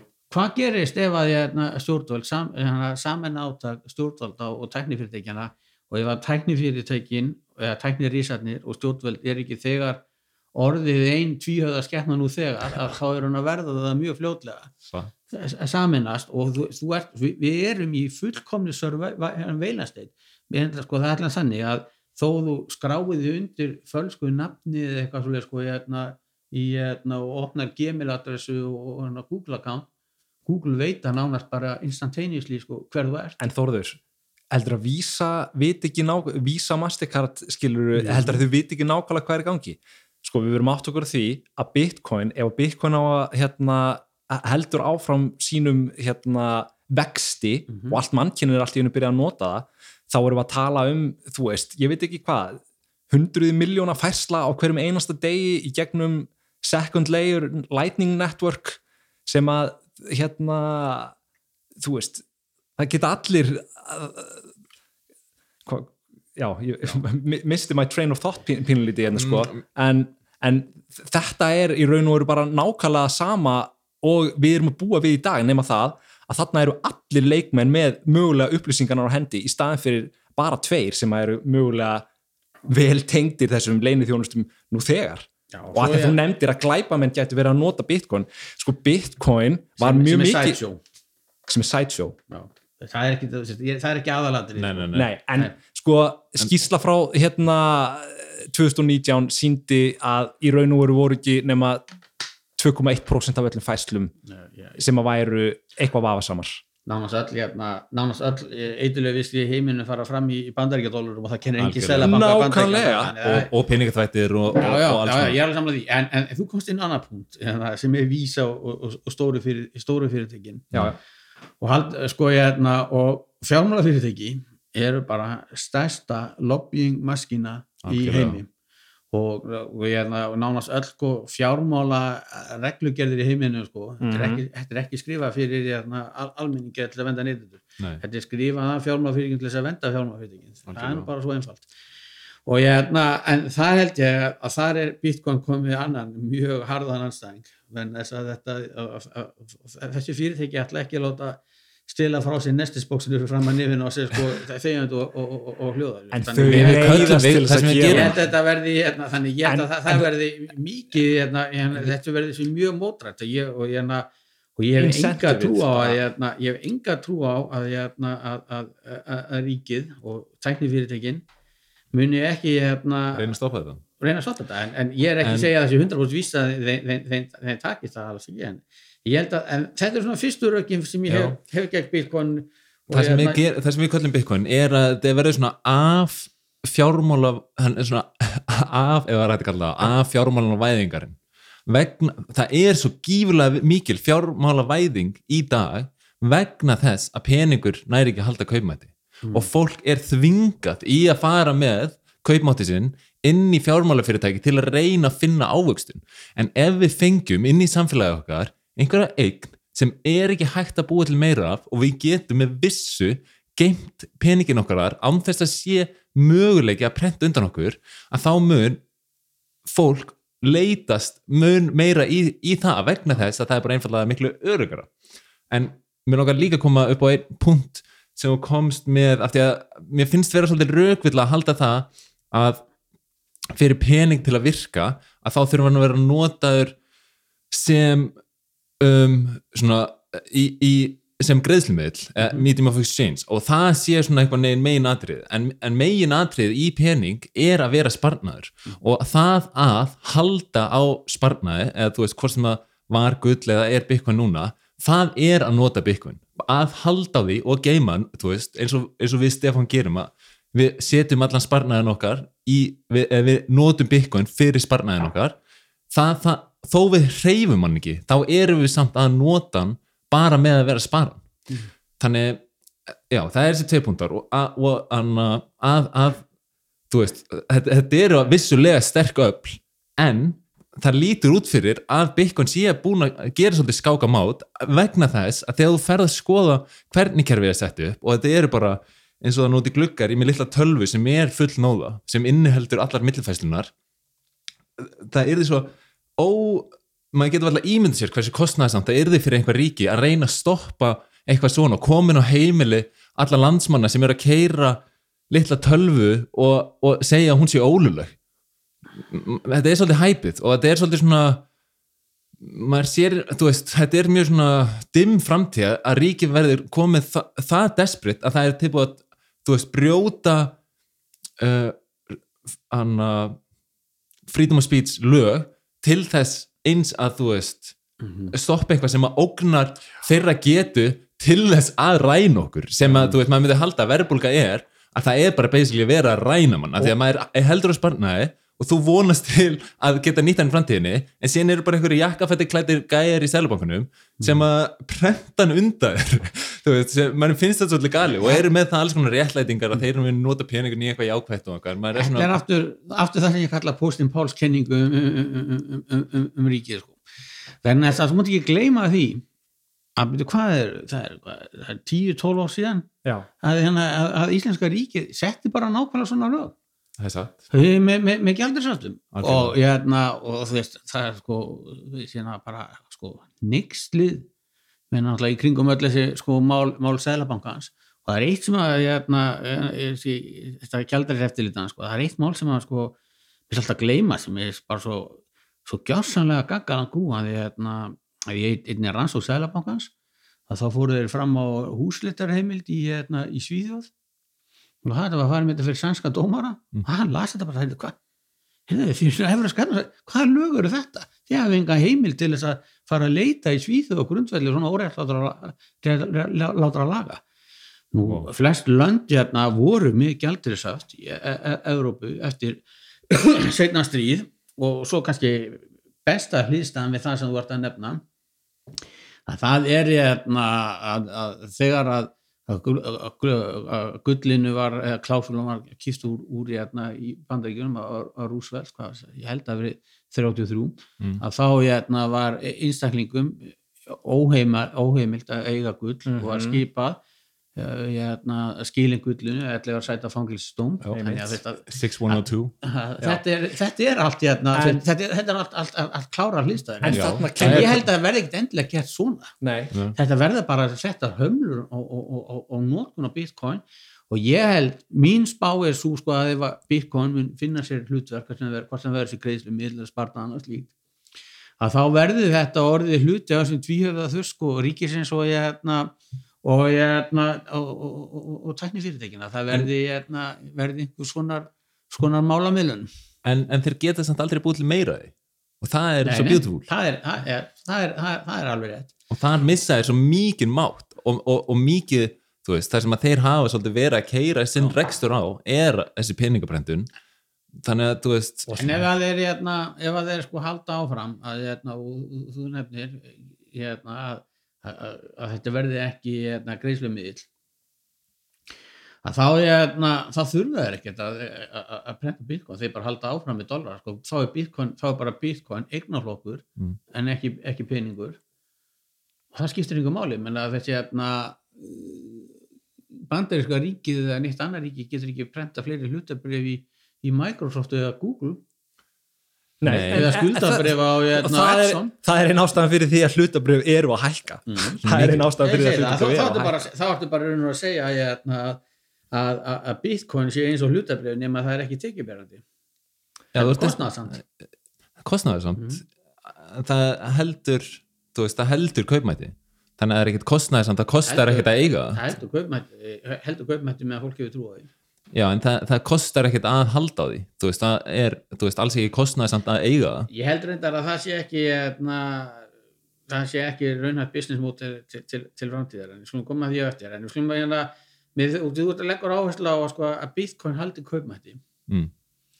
Býtu, ég hérna bara skoða, skoða tjartið bara sístu 12 mánuði. Sístu tvo, sístu 12 tólf, já ja, bara hérna á CNBC, bara netsíðu Já. Já. og mér sína, sí, sínir, sínir skif og teik sko, skoða bara um auðvana sko, að Bitcoin er búin að fara úr 20.000 dólarum upp í, í 50.000 nýri 30 og upp í 70 og sem núna er cirka 60 Mm. og þú ert að segja mér þetta haldi kaupmætti að sjálfsögðu gera það, við erum að tala um ef að við erum að tala um að bitcoin sé nýtt og betra form af peningi og er að njóta þessara svona net áhrifa Metcalf Law segir okkur basically að virðið eikst hérna sagt, í veldisvexti með hverjum notandi sem sem að kemur inn í kerfið og önnur fyrirbæri sem að hæða sér eftir þessum, þessum lögum eru sveiflukent þegar þeir eru að byrja. Og ástæðan fyrir því er svo að þeir eru komið með eitthvað svona contender á einhvað sem á að vera yfirburðar á þeim markaði sem hann er að kjappa á þá verð það koma allir leikmennir og eru að veðja á þetta fyrirbæri. Þannig er verðið að sveiflast upp og niður. Þetta síndi sig basically í net hérna bólunni 2000 Amazon til dæmis, Google öll þessi fyrirtæki sem að nutu þessara net áhrifa, þau voru sveiflukent döðans en núna er, núna er önnur litur að horfa á þetta. Og það er hérna, convexity eða, eða, eða bjúkni og það er svona þess að því lengri líftíma sem eig- eignir hafa eða því lengri sem eignir er hérna, að, borga sig upp til hans löngskuldabref eða, eða hlutabref með hátt það, því, hérna, því næmari eru þar fyrir breytingum og væntingum eða, eða grunnvöksum öðru, öðru slíku og því meira sveifla sig. Og Bitcoin sem er ekki tekjuberandi eign heldur þvært á móti sem ég kom inn á eftir er- að vera eign sem, sem að kosta að, ég, hérna, að hún er nána sko endalust duration, ég veit ekki alveg hvern- hvernig menn, menn, menn, faraði að- reikna það. Hún ætti því eðlisinu samkvæmt að vera miklu hérna, sveiflakendari uh, hún er náttúrulega mjög sveiflukent. Já, en þá, veist, þá er þetta ekki góð eign til þess að halda að það. en sko Bitcoin, þú ert að miða þú ert að bera saman apples and oranges hérna sko, að því að Bitcoin er raun og eru bara algjörlega nýr eignaflokkur. Hvort Þetta ekki ávextir. Ha, það er hvort ekki ávextir algjörlega, við erum að tala um, já, algjörlega samt sko. En við erum að tala um að Bitcoin hæða sér samt allt öðruvísi en hinn er ávistinir í körfunni. Bitcoin Já, hvernig þá? Bitcoin er uh, Bitcoin er peningur sem að er ekki með neitt svona bara ef maður berða saman við gull skilur sem að hefur þennan svona yðnaðar yðnaðar þátt uh, í nótkun það er engin þannig nótkun við Bitcoin þannig að eins og ég kom inn á samt, þá er það ekki ástæðan fyrir því Nei. að gull var peningur. Það er ekki að það hafði notagildi í þinnað, það er vegna þess að það hafði þetta eiginleika sem að peningur þarf að hafa. Eins og að vera hörgull og að vera deilanlegur og færanlegur og fleiri eiginleika. Bitcoin uppfyllir alltaf þá og er ekki með hennan þú veist, með þetta vesen sem ég myndi kalla, sem að gulli með að vera notað innað eina sem Bitcoin gerir er að uppfylla þessa eiginleika penings og ekkert annað. Og þú veist, þetta er ekki eignabjörndi flokkur því þetta er eins og gull. Þetta er sparnaður, þetta er peningur. Þú veist, þótt að sé ekki nota sem greiðslumiðl og þótt að ó, það kæmi til þess að öll ríki í heiminum myndi banna hann að Bitcoin sem greiðslumiðl þó, þó að við erum búin að sjá núna fyrsta ríki taka upp sem lögari að þá er það þú veist, þá er það samt að þjóna þessu hlutverki penings í, í því skinni að það er sparnar það er þessi eign sem að er ekki hægt að búið til meira af. Hún er mjög seljanleg. Hún, þú getur þú selt eða keft Bitcoin allan daginn 24-7 hana, og, og hún er mjög seljanleg og að þú getur alltaf næst, nánast fyrir hvaða upphæð sem er verið að, verið að kaupa eða selja. Mhm. Þú veist, ég held að Tesla gerir stresstest á því, þeir, þeir losuðu 200 miljón dólar og, og tókst það. Um, og, og maður sér, já, það er mjög mikið um trading, en auðvitað eru Það mikla kom aftur að því sveiflur. hvort að, að, að, að var svo verðmætt eða peningin svo lítið fyrir þenn en, en, já, já. en sko já ég, hérna, sko, ég, hérna, ég held að sko, Bitcoin þess að munum á því og gull já, gull hefur alltaf aðra veist, og þess vegna sko, held, heldur á okay, verðmætti og ég vonaði fann ekki miskilið með held að ég sé einhver talsmaður gulls eða ég er, er, er, það, það ekki, ég er sérstaklega hrifin af því heldur. Og, hérna, og, og það verður alltaf sko, vandamáli fyrir Bitcoin sko, notkunin sem, að, sko, það sem ég sé og að ég tek positífa keisið fyrir Bitcoin að það, það, það blasir þetta við að, hérna, að hjá honum vinnikar Satoshi sko, þetta kerfi sem hann byggði bera mörguleiti mjög snjált og, og það, það, það, þetta byggir ekki á trösti, það er engin single point of, of, of, failure og Mm. þess að þess að það er ma- margt jákvæmt í þessu Já, líka, en sko. það sem að þarf það sem að þarf er að, sko, að, Bitcoin það þarf að hafa sko, það, þarf, það fyrir mig eða ykkur til þess að halda þessu sem einhverju virði sko, hort lang- langt fram á veginn þá þarf það að þjóna einhverju tilgangi. Það er ekki bara það er bara ekki bara einhver frumspyggjali hugmynd sem er gemd inn, inn, inn, inn á tölvu sko. það, þetta, þetta þarf að þjóna einhverju tilgangi. Eitt gæti verið að það gæti verið greið, greið, greið, greiðslumiðil það er svona það eina sem, að, sem ég sé en sparna, er sparnar ekki tilgangur? Þú veist, er, er ekki tilgangur að geta Já, átt sko, eign sem er ekki hægt að prenta undan þér sparnaður er það að- geima ávísun á verðmæti. En hversin ætti að vera ávísun á verðmæti ef það þjónur einhver verðmæti tilgangi? Það þjónavermaðu tilgangi. Að það er eign sem er ekki hægt að prenta undan þér er og það er ekki sama- hægt að taka að þér. Nákvæmlega sama ástæðan fyrir því að seðlabankar geima gullskilur, þeir nota gull til þess að geima verðmæti, þeir nota hann ekki sjálfur til þess að, að kaupa sér nýjan tölvubúnað og prentara skilur mm -hmm. þannig að þeir nota, Það- Nei, þetta þeir nota þetta monetary veist, þeir nota gull af því að það er með þetta monetary premium Já, en það er ekki endilega ástæð þú veist, yðnar gildið Þi, þið vilja við meina gullið. það að monetary premium eitt og sér skapi e, gildi fyr, fyrir Bitcoin sko, peningar þeir þró, sko, peningavæðing fyrirbæra á sér stað í gegnum langan tíma Mhm. gull til dæmis varð ekki að medium of exchange á einni nóttu það tók margar aldir þú byrjar á því að mæna gull skiluru og allt í er þetta orðið eitthvað svona sapngreipur sem að einhverjir hérna komar að segja, bara svona tribal leaders ganga um með á hálsinum á þessu skiluru. Og svo með tímanum þá þróast þetta yfir það að gull er orðið svona þekkt fyrirbæri sem hægt er að skipta á milli sín og verður og þróast yfir í að vera medium of exchange. Bitcoin er 13 ára gamalt fyrirbæri sem að hefur núna uh, sínt sig að, sé að, að gegna hlutverki store of value og er byrjað að þróast yfir það að vera að nota sem medium of exchange. Og besta dæmi um þetta er náttúrulega það sem er í gangi í, El Salvador sem að væri mjög gaman að tala um að því ég veit að þú ert pínluti gaggrinn á, á, á það líka. En já, já, það, sko, ég, held, ég skil ekki alveg akkur talsmenn já, já, ok, ég ætla að ljúka ég ætla að koma inn Ok. á þetta, ég ætla að koma inn að hitta áður í, sko, ég held að sko, stóra valjú er valjú Mm. hérna, og, og til þess að eitthvað til þess að Bitcoin geti orð, orðið, orðið í hérna eitthvað, eitthvað verðmæti að þá þarf að þjóna einhver tilgangi og, það, það, og besta leiðin til þess væri greiðsfamilíun Mm. Eh, síðan er þetta það að, hérna, að, að, að, að, þú nefnir Bitcoin er, er, er 13 ára gamalt og það er nýkum yfir heiminn og, og hérna, bestu hugmyndna eru þær sem að hérna, flýja hérna, flýja hérna, þá sem fæ, fá, fá það og halda áfram að þróast og finna þeirra leiðir og ég myndi alls ekki vilja útiloka að, hérna, að Bitcoin myndi gera það. Eins og sé ég það ekki en ef ég myndi, alltaf myndi sjá það þá myndi ég reyna að fara að marka sýtja það hugmynd frekar en að, að, að, að gera eitthvað annað.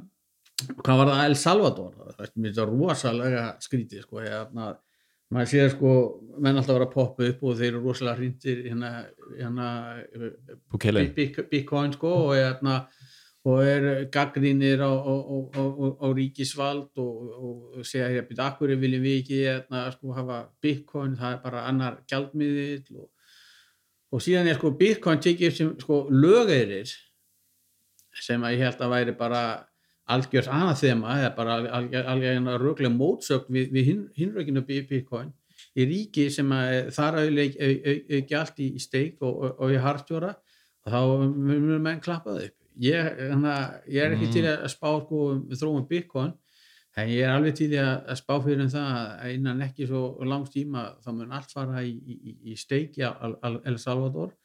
Hins vegar mun mér ekki þetta í huga að, að, að, að draga almennar álíktanir að Bitcoin að, þeirri tilraun en þess að mér finnst þetta bara röglegu mótsögn. Það er hartjóri að gera að, að, að, að lögæri Bitcoin sem á ymmit og, hérna, og draga sko allt það sem er jákvæmt við það að, að, að, vera svona frjálskjaldmiðl hvað hva viklis er þetta? Sko, ég, það er fyrst aðalega að, hvort það sé hægt að kalla Bukele hardsjóra.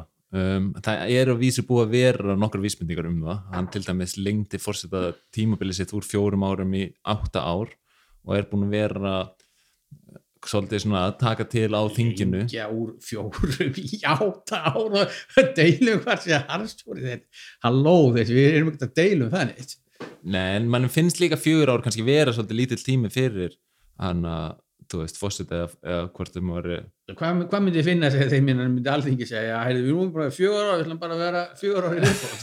Ég Það er átta að ekki það var þetta bara hann sem finnst- tók ákvörun eða er þetta stjórnarskrár hérna breyting eða hvað, þú veist, hvað eru að tala um nákvæmlega veistu það Ívar? ég er ekki alveg sem ég held að þetta sé alveg Ég er það- ég er bara- ég eitt sem finnst gagnrýni. við erum að tala um skemmtur mér finnst bara Bukele bara mjög óáhugaverður og mér finnst tilraun í El Salvador mjög óáhugaverð mér finnst Bitcoin áhugavert Eitt sem ég finnst áhugavert er samt þegar að þeir setja þetta sem lögari er að þá koma margir hagfræðingur út, til dæmis Steve Hanke hefur verið mjög ábyrrandi í þessari gaggrinni, koma út sem einhverjir frjálsíkjumenn allt í hennu og er að tala um bara hvað þú veist, að, að, að sé verið að gera setja Bitcoin sem lögari og hvað það sé fáranlegt að það sé lögarir og, og þú veist, hvar var þetta lið sem er svona gaggrinnið á að, að sé verið að setja Bitcoin sem lögurir þegar til dæmis dollarinn var settur sem lögurir í, í El Salvador? Eða bara á öll lög eiris lög sem eru í gildi út um allan heim. Hvar eru þessi hagfræðingar í þessari gaggrina Því að, og líka eins og hvar eru þeir í gaggrinni um gjaldmila í Afríku sem er verið að þvinga á 15 Afríkulönd og þá er ég að tala um hérna CFA frankan sem er, sem er gefin út í París og er þvingaður á eh, 200 miljón manns í Afríku hvar er þetta leið í að gaggrina þetta? Hvernig, Gagnrýn er ekki beinst að því Gagnrýn er beinst að því að, hérna, að, að, að- að Bitcoin er algjörlega óbrúklegt sömu lögeirir og meira þess að samkvæmt því sem þú ert að segja enn sem komið er vegna þess að þetta er óskup beinfælt og sveiflikent ef við förum aftur ef við förum aftur yfir það hérna, er ekki alveg rétt hjá ef þér. við förum aftur yfir hérna, það sem ég, ég, ég þuldi upp á þann um, um, um, svona um þau byrju verðþróun og Bitcoin á, á árinu Mhm. þá, er, þá er engin gjaldmiðl og ég vil bara ekki í sögunni upplifa jafn svakalega verðhjöðnun og verðbólgu og bitcoin við höfum líka aldrei séð pening vera peningavætan frá nulli. Þannig að við erum bara að upplega þetta í fyrsta skipti Ok. og auðvitað þegar þú ert með eitthvað sem er að fara frá því að vera nullvirði yfir í að vera alheims gjaldmiðil þá eru, þetta er, þetta er ekki að fara að vera bein lína, það er ekki hægt. Þetta er alltaf að fara að vera Myndir þú vilja bitcoin er lögur í Ísland á morgun? já, en eins og, eins og El Salvador setur þetta upp eins, eins og El Salvador setur eins, ein, eins og El Salvador setur þetta upp þá er þetta skilur Þetta er þú þarft ekki að, Já. þú getur nota bitcoin þú er þú er að aðgreina bitcoin eignina og bitcoin kerfið. Bitcoin eignin er store of value jú, sveiflukent, en ef þú horfir til fjögur ára, þá ertu aldrei sama hvenar, ef þú horfir til fjögur ára, þá ertu aldrei niður, það er alltaf aukning í kaupmæti um, en, en síðan er Bitcoin kerfið er annað og það er kerfi sem er notað vegna þess að 60% af tekjum El Salvador eru í gegnum svo kallar remittance eða fólk að senda pening heim frá útlöndum. Og í dag þá eru bara mjög óhagkvæmar leiðir fyrir það fólk eða fyrir Bitcoin eru mjög óhagkvæmar leiðir fyrir þetta fólk til þess að senda pening heim. Western Union, ef þú ert að senda um 50 dollara, er að taka kannski 15-20% í fís og, og, hana, og er bara, þú veist, þegar, þegar þú ert að tala um fólk sem er að senda kannski 100 dollara til að þjóna fjölskyldi í viku eða tvær vikur, að þá er það bara gríðarlega há upphæð. Með Bitcoin kerfinu, þá getur þú sendt í gegnum Lightning sem er greiðslukerfi greiðslukerfis tækni byggð ofan á Bitcoin kerfið, getur sendt frá bandaríkjunum eða frá hvaðan sem er úr heiminum pening til El Salvador. Ég hef meira þess að sendt á mann sem býr til ís í El Salvador ég sendi honum þrjá bucks í gegnum hana Bitcoin, hann getur ráðið því hvort hann vilji halda því í Bitcoin eða dollarum þannig að þú veist, hann, hann þarf hann er ekki þvingaður í að taka þátt í þessari sveiflikendu Ég veist þetta, sko, greiðslukerfi Mm. í, í, í, Bitcoin það sem er svona lang, sterkasti sko, uh, hlutin. Og ég, hérna, en ég held að sko, við erum að sjá í, í dag að þetta, þá erum við að sjá þess, þessa neobanks og hérna, alls konar greiðslu milnakerfi í bankakerfinu. En það sem að þú ert með þetta það sem þú ert þetta með eins og ég nefndi áðan bankalobby sem berst á hæl og hnakka til þess að hérna, missi ekki spó, spónur aski sínum.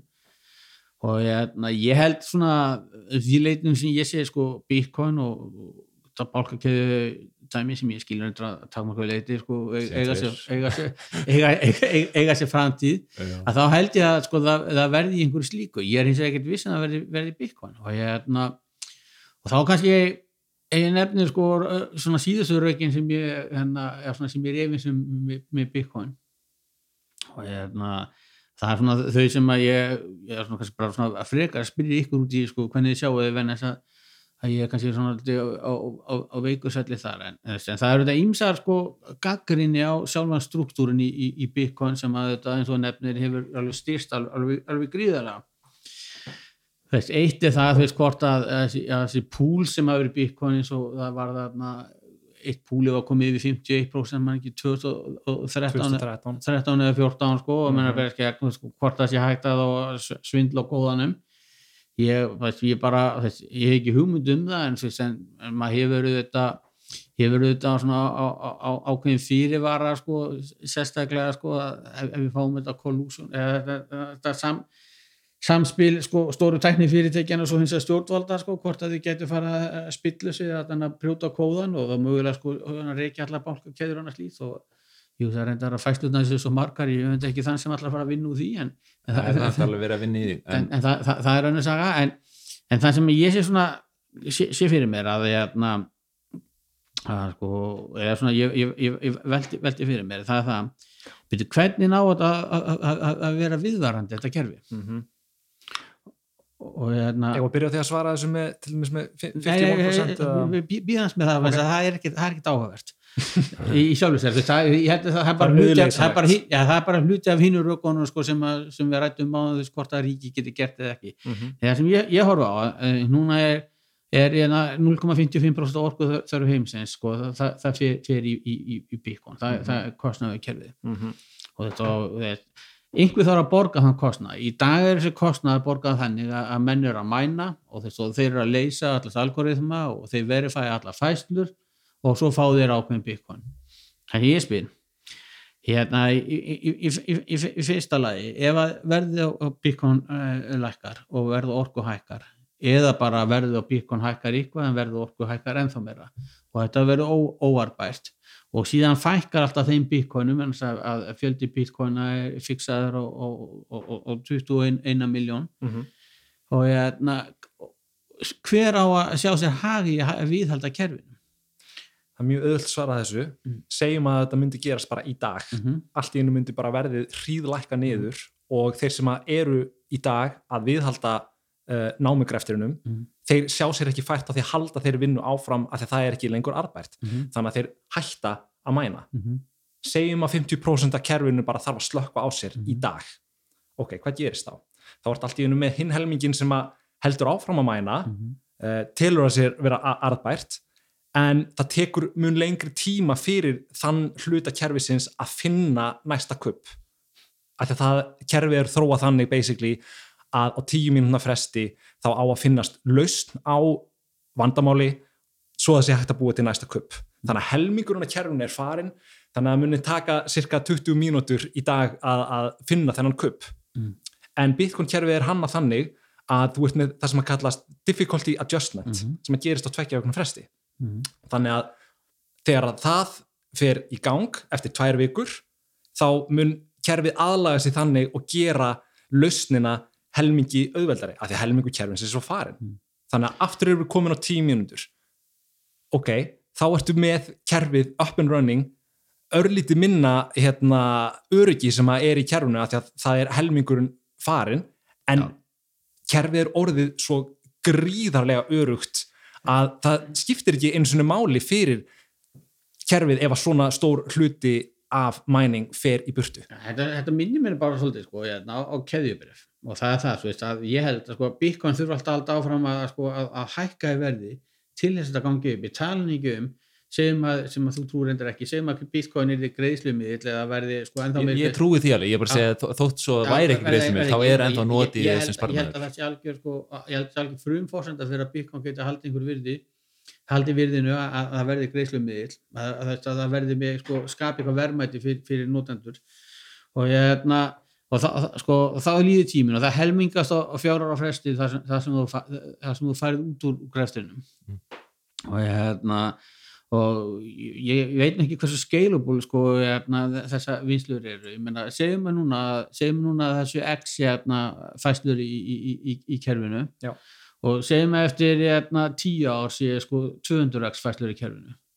Og í dag eðum við 0,55% á orku heimsins. Mm. þess hvað myndum við þurfa að eða mikill orku? Bara, þá er ég ekki sem ekki að orku heimsins þá heldur bara orku heimsins í dag um, ég, ég má svara þessu mm. en þá er þetta ekki það er ekki bein línaðan upp Nei. af því að um, ástæðan fyrir að þeir eigða rafmagni er ekki fjöldi færsluna það Mhm. er út af þeir, þeir það er hagur að vinna bálkan og í bálkanum eru verðmæti í formi bitcoins Mhm. þetta bitcoin er alltaf að minka þannig að hlutfastlega Mm. að þá, þú veist mun uh, mænarnir fara úr því að keppast um að, að, þessi verðlun sem fylgja hverjum bálka sem eru bitcoin, yfir því að keppast um færslugjöldin.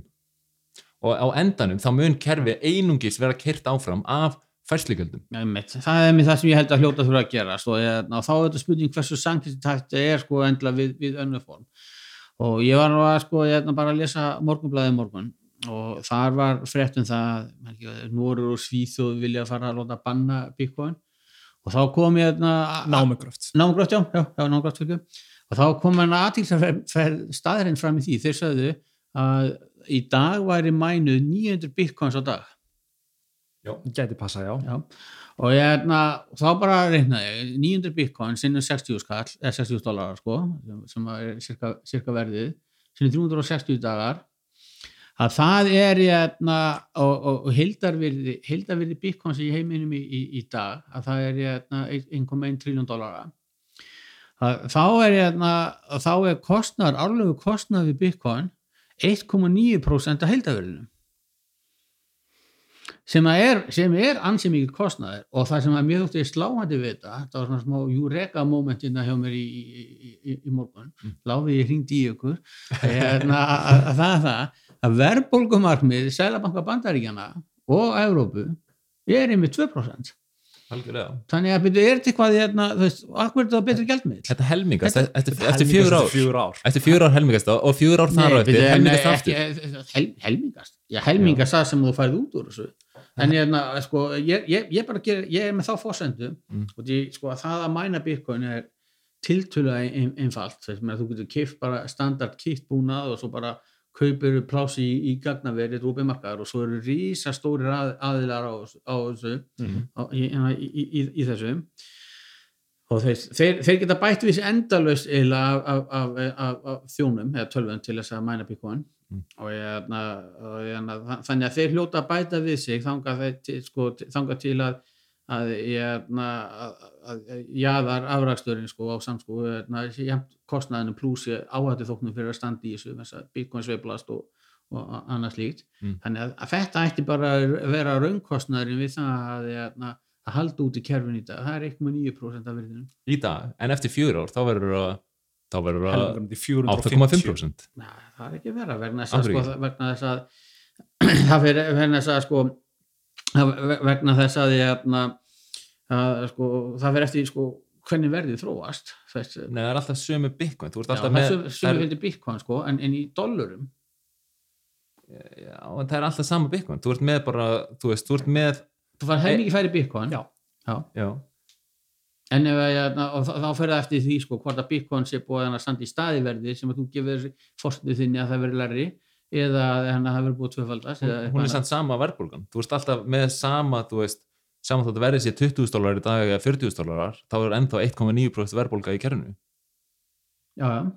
og eftir fjögur ár þá verður hún 8,5% og það er alveg staðfest. Og fjögur ár þar eftir þá verður Já, hún 4,25% og síðan verður hún 2,12,5% En sko, en það, sem ég segi, sko, Þetta mun aldrei hætta þangað til að allt er búið. að, sko, að einhverjum tímapunkti þá þarf þetta vantilega að fara að borga þeim fyrir að hérna, halda þessum serverum í gangi já og þú borgar það með fæslugjöldunum. Já, með fæslugjöldum. Og þannig að, Og að, þannig að þá, er, hérna, þá er þetta spurning sko, að er- Bitcoin, að Bitcoin sko, hérna, eðir, ég segi, sko, eðir tölvægt mikil orku.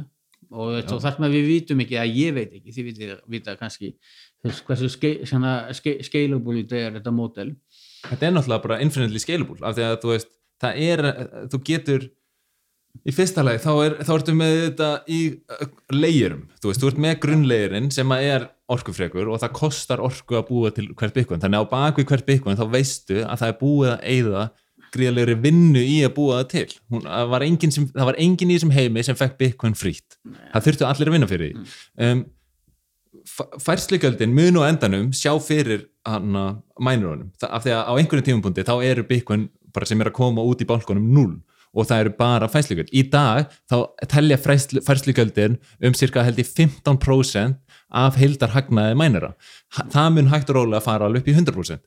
Um, en þetta er scalable af því að fyrir hverjar tvær færslur sem þú ert með á grunnkerfinu sem þar, þarnast orku getur þú abstrakta inn í miljónir bara endalösta færslum á lifturinnetinu sem er kerfi sem er byggt ofan á bitcoin þannig að þú veist skalanleikin er í raun og veru endalus það sem ég segja er það að, hérna, að bankakerfi heimsins selabankar og, og Ísabankar og valitórar og hvernig þetta heitir alls saman Mm.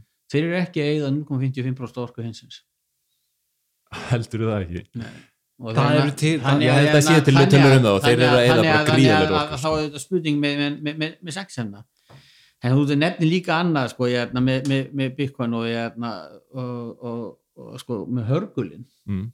Að, og út í ég held sko að þetta því að þetta verði sko með kostnað þetta verði, verði þetta bara eins og, eins og 2% verðbólka en með hérna með, með, með hörgulina, menn sé alltaf já ok, það er ekki hægt að gefa út fleiri bitcoin þess vegna verður aldrei, verður aldrei verðbólka þetta er bara ránt að þetta því það að þá verður aldrei verðbólka út af frambóði en eftirspurð sko og það er aftur sem er að koma bitcoin verður að vera einhver verðmæti. Fólk verður að vilja halda á bitcoin Mm. og ég held að verða að vilja halda á bitcoin bara bara, sparnað. Mér finnst ekki sko, mér finnst þú að tala niður sparnað og Nei, það- ekki, ég finnst þau sparnað og ég vil hafa, ég vil hafa fólk uh, fjárfest í En hvernig, Já, þú útskýrur, veist- hvernig útskýrur þá hérna, hvernig markaðan hefur he- hegðað sér síðastliðin 13 ár? af því að Bitcoin er ekki notað í dag sem greiðslum við.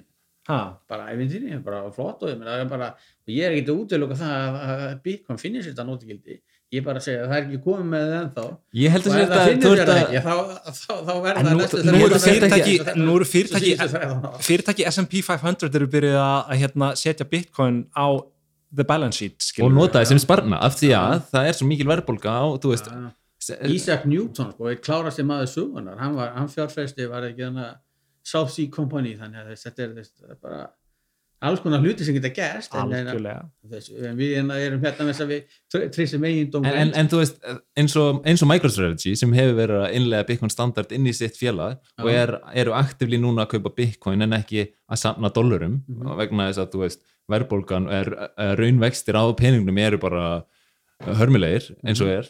Um, að, að þú veist, þeir eru ekki að nota af því að þeir geta að nota Bitcoin sem greiðslumiðl þeim er, þeir er mér alveg sama um hvernig Bitcoin, þú veist og hann hefur talað um að Michael Saylor að þú veist hann sér ekki eins og fyrir sér að vera notað sem greiðslumiðl en hann, no- þetta verður notað sem sparnaður.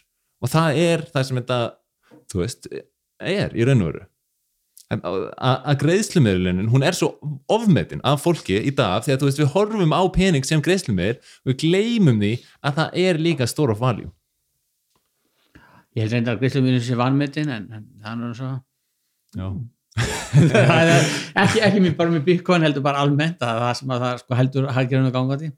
Já, og ég væri til í allavega tröstari kerfi en það sem við erum með á Íslandi í dag því að ef það kom einhverju biss í dag þá við greiðslumilun kerfi já, Íslandi Já, bara að fara það, niður það sko. er líka bara einn ótrúlega góð punktur að því að við erum með Visa og Mastercard og allar þessar hefbundu greiðslumiðlanir sem að þú talar um að geti lobby að hérna, Bitcoin til að vera banna mögulega skilur, bara svona hypothetically. En þessar lausnir eru allar að rukka prósentutölur í færslukostnað sem að sko sölu aðeinar og, og neytendur og viðskiptavinnir eru að þau- greiða. Í El Salvador í dag að þegar við vorum að tala um það við erum með dollara til hlið við, við, við bitcoin. Og ef þú ferð út á McDonalds í dag og kaup, kaupir El Salvador in the Big Mac skiluru þá þarftu ekki að borga færslugjöldin sem þú værir að borga til Visa og Mastercard og sá sem er að selja vöruna, hann þarf heldur ekki að borga sinnkostna og þetta er grí, við erum að tala um sko, 3-4-5% Þetta eru rísælur. Ég, ég skal bara segja það að ég fór á fyrirlesur nokkur mánu síðan. Hérna, hann á ekki að tala um bankakerfið í Breilandi, eða svona an analýsi. Og minn, já, hann, hann sagði sko hérna, að 80% af grunnkerfum sem að breski bankar keira á voru skrifuð áður en að floppy diskunum að fundinu. það er alveg magnam Munið þið eftir 5 kvart floppy diskum? sko, ég man eftir ég þeim man eftir svona litlum floppy Já, nei, man nei, ekki nei, ég að um stóru. já, nei, ég man ekki eftir þeim. Einmitt. Það er alveg magna og, en, en það er eins og ég var að horfa bara í gær á, sá ég að Twitter og var einhver að tala um hvað en að Hayek væri upp á alls austuríski hagfræðingurinn sinn og hann var að tala um þetta hvernig ríki eru bara búin að eigðilegja framþróun á pening og þeir, þau stoppa alla framþróun vegna þess bara að þeir telja hann alltaf að vera bara óp Já, já. en núna með Bitcoin, þú veist, til þess að ég held að ef, ef að ríkistjórnir gætu banna Bitcoin þá væri þeir búnir að því. En þetta er, reynist bara miklu flóknara verk en það, en það. og síðan, síðan ertu með í dag líka eins og í bandaríkjunum þú veist, maður myndi halda já, bandaríkjum verður svo mikið ógna því að hann að óta Bitcoin. En þú ert samt með núna bara alltaf í auknum magni að fá þingmenn í bandaríkjunum að tala fyrir Bitcoin. Og, og þú veist, embættismenn og þannig að þú veist Og og, bara- og, náttúrulega með risastór fyrirtæki að halda Bitcoin og vogunarsjóðir og lífverðisjóðir í bandaríkjunum. Mm. þannig það er alltaf myndast leikjafræðin er að vera svo sterk og það er að myndast auka svona kraftur með Bitcoin sem mér finnst það þessum tímubúndi alveg ómulegt að stöða en þú veist komið fjögur fylki í bandaríkjónum sem eru mjög hliðhóll hérna Bitcoin með Florida, New York, Wisconsin og, og Texas. Og þú veist þetta eru náttúrulega bara Texas er núna að reyna að gera sig að bara mining hub heimsins og eru búin að vera bara að sanga að sér vélar frá Kína þannig að Það ég er myndi mjög áhört að sjá þetta spilast út. Það er rétt, þetta er alveg þetta, svo, kraftar með þessu og þess að tími vinnur með þessu en, en ég bara minni ykkur á að, að, hérna, að, að, að það var ekkert vinsælt þegar var lokað fyrir gull í bandingum og fullt af stjórnmálumennum sem var alfæra á móti þannig að, hérna, að þetta er engin, þetta er engin trygging en þetta er alveg rétt þetta og þetta er- verður alltaf erfið og, og, og annars svo, svo nefnir bara eins og með aflandsfélagin menna þá er þetta erfitt að hérna, loka fyrir aflandsfélagin en það voru umfæðlega svo margir stjórnmálamenn sem voru í þeim og því fleiri stjórnmálamenn sem konir því er verið að loka. Þannig það er bara, ég, ég, En- ég, ég er alveg, alveg, alveg sammála okkur þar. En það er grundvalla munur á þessu sem gerðist í bandarækjunum þarna þegar að hérna, þið bö- bönnuðu gull og eiginlega kröfðu alla bandarækjamenn til þess að selja gulli sitt til ríkisins. Ef að þeir myndu gera þetta í dag bitcoin er ekki fysísk vara þú getur ekki komið heim til mín og hrifsað bitcoinið af mér. Það er ekki ég get geimt bitcoinið mitt í kollinum. Ég get farið til Íran núna. Já, ég get það reyndar ekki, það getur enginn flóið í dag, en ég get farið með bitcoinum mitt í kollinum hvert sem er. Og ef það kæmu fjármagstekjuhöft aftur á Íslandi eins og þú veist svo óréttlilega gerðist annað 2000 og, í- 2008 til 10, ég manni hvernig ég skulla á að þá er ég flógin beint til El Salvador og bara ég get, þú veist það er ekki hægt að stöða mig frá því að taka allara anlegunum mínar og fara bara hvert sem er. Ég hefði freka vilja vera með fáa krónur í Íslandi en mörg alveg kannski en þú veist þetta er allavega, möguleiki og, ég, gleyma því þetta, og það eru fleiri trausti peningar eru góður og, og þeir eru nöðsynlegir sko, en, en traust stjórnafar og hérna, mikil verðmættamyndun það er það sem skiptir máli í þú ég er sammála og við erum búin að glata því svolítið, finnst mér með þessu fíatkerfi en það er samt það er áhugast að horfa á þannig að Bitcoin er svolítið búið svona svona ég man ekki hvað maður kalla það er búið, svolítið, það er búið að leifa þínu meðal manni að eiga af- aflandsfélag. Eins og Barack Obama sagði að Bitcoin það er bara aflandsfélag í vasanuðinum og það er svolítið, það er dematerialize aflandsfélag núna, og núna þarft ekki miljón dollara eða bara eitthvað þvílíka eign til að geta komist inn í eitthvað almennlegt, svissneskan bankareikning. Þú getur bara átt þúsugall í byggunarverskinuðinu sem og að þú getur flutt með í hausnum að þér. hvert sem Og þetta er eina af merkilegustu uh, í raun og veru eiginleikunum við bitcoin er að með uppfinningunni á bitcoin þá urðu upplýsingar raunverulega að peningum. Að því að þú getur, ég get, ég get sagt þér 12 orð akkurat núna og allt í einu er þú komið aðgang að þú veist, einhverjum pening sem að ég er með í veski. Og bara því ég segi þér 12 orð þá ertu komið með þetta og þetta er orðin- raunverulega peningur.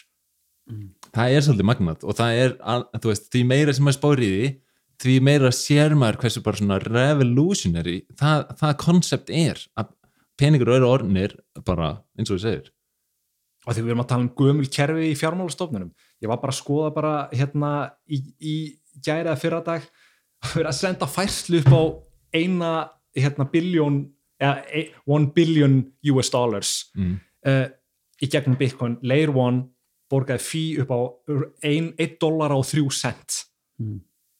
Tekur 10 mínútur fyrir fæsluna að gangi gegn. Tekur tíu myndir fyrir alla fæsluferðinu bitcoin ekki allar, en það, það fer eftir í það hvað er þetta lightning network eða hvað sem að það, er- það er instant, það er, Instant, instant. já. það er bara instant og, en, og það er final settlement en það er kannski ekki örugt og anna ég grunnlega aldrei skilið þetta sko, en það sko, að, að, að, veist, menn tala hlut út úr hugur um þetta sko, þess ef þetta á að vera greiðslumiðlun mm -hmm. segjum þess að hérna, sumir hérna, sem er tala með Bitcoin sem að sé fyrir þetta bara taki yfir þessi peningakerfi heim sín sko, Mm. þess að verið notað á, á veist, landbúnaðamörkuðum í, í þrónaríkjum og, og fjármálamörkuðum og allt þar á milli sko en þess að þá náttúrulega gengur að enga veginn sko, að það er alltaf tíu mínútur sko, það, veist, hérna, það er náttúrulega fyrir final settlement og það er fyrir örugasta þú veist, það er til að bara gjö- gjörsamlega tryggja en síðan ertu með leifturneti sem byggir ofan á já. og þar getur verið með er sem bara eru svona ví- svona, og, og þe- þess vegna gasta ekkit fyrir leifturnetið, þá gasta ekkit verið með McDonalds í El Salvador að supporta Bitcoin Mhm. sem greinslumiðil, en núna með Lightning, að þá stendur bara fram kassanum bara, skannar QR-kóðan sem er á McDonalds, þú getur borgað úr hvaða Bitcoin veski sem er, sem supporta Lightning og hann skannar og það er instantly komið. En, en, en þess að tíu myndur eru samt magnað að fá final settlement. Þú veist, mér finnst fólk átt að sé ekki alveg á munin á bara, þú veist vísafæslu og final settlement. Þú veist, það er ekki, þú ert ekki það er ekki final settlement þú ert að strauja með vísa þú veist, Mhm. fyrirtæki eru með sko hérna á fjórðungsfresti eru þeir að taka saman bókaldi sitt og gefa út einhverja skýslur Bitcoin gerir þetta á tíu mínúna fresti. Bara búm, búm, búm, búm, búm. Kerfið er alltaf að uppfærast og upplýsingarnar eru sjáanlegar fyrir alla. Þannig að þú getur nú ekki saman við, við, við uppgjör? Að sjálfsög getur við gert það. Nei, nei. þetta er 100% bara, þetta er þetta er bara uppgjör, þetta er bara uppgjör á greiðslu ekki uppgjör á bókaldi, það er allt annað.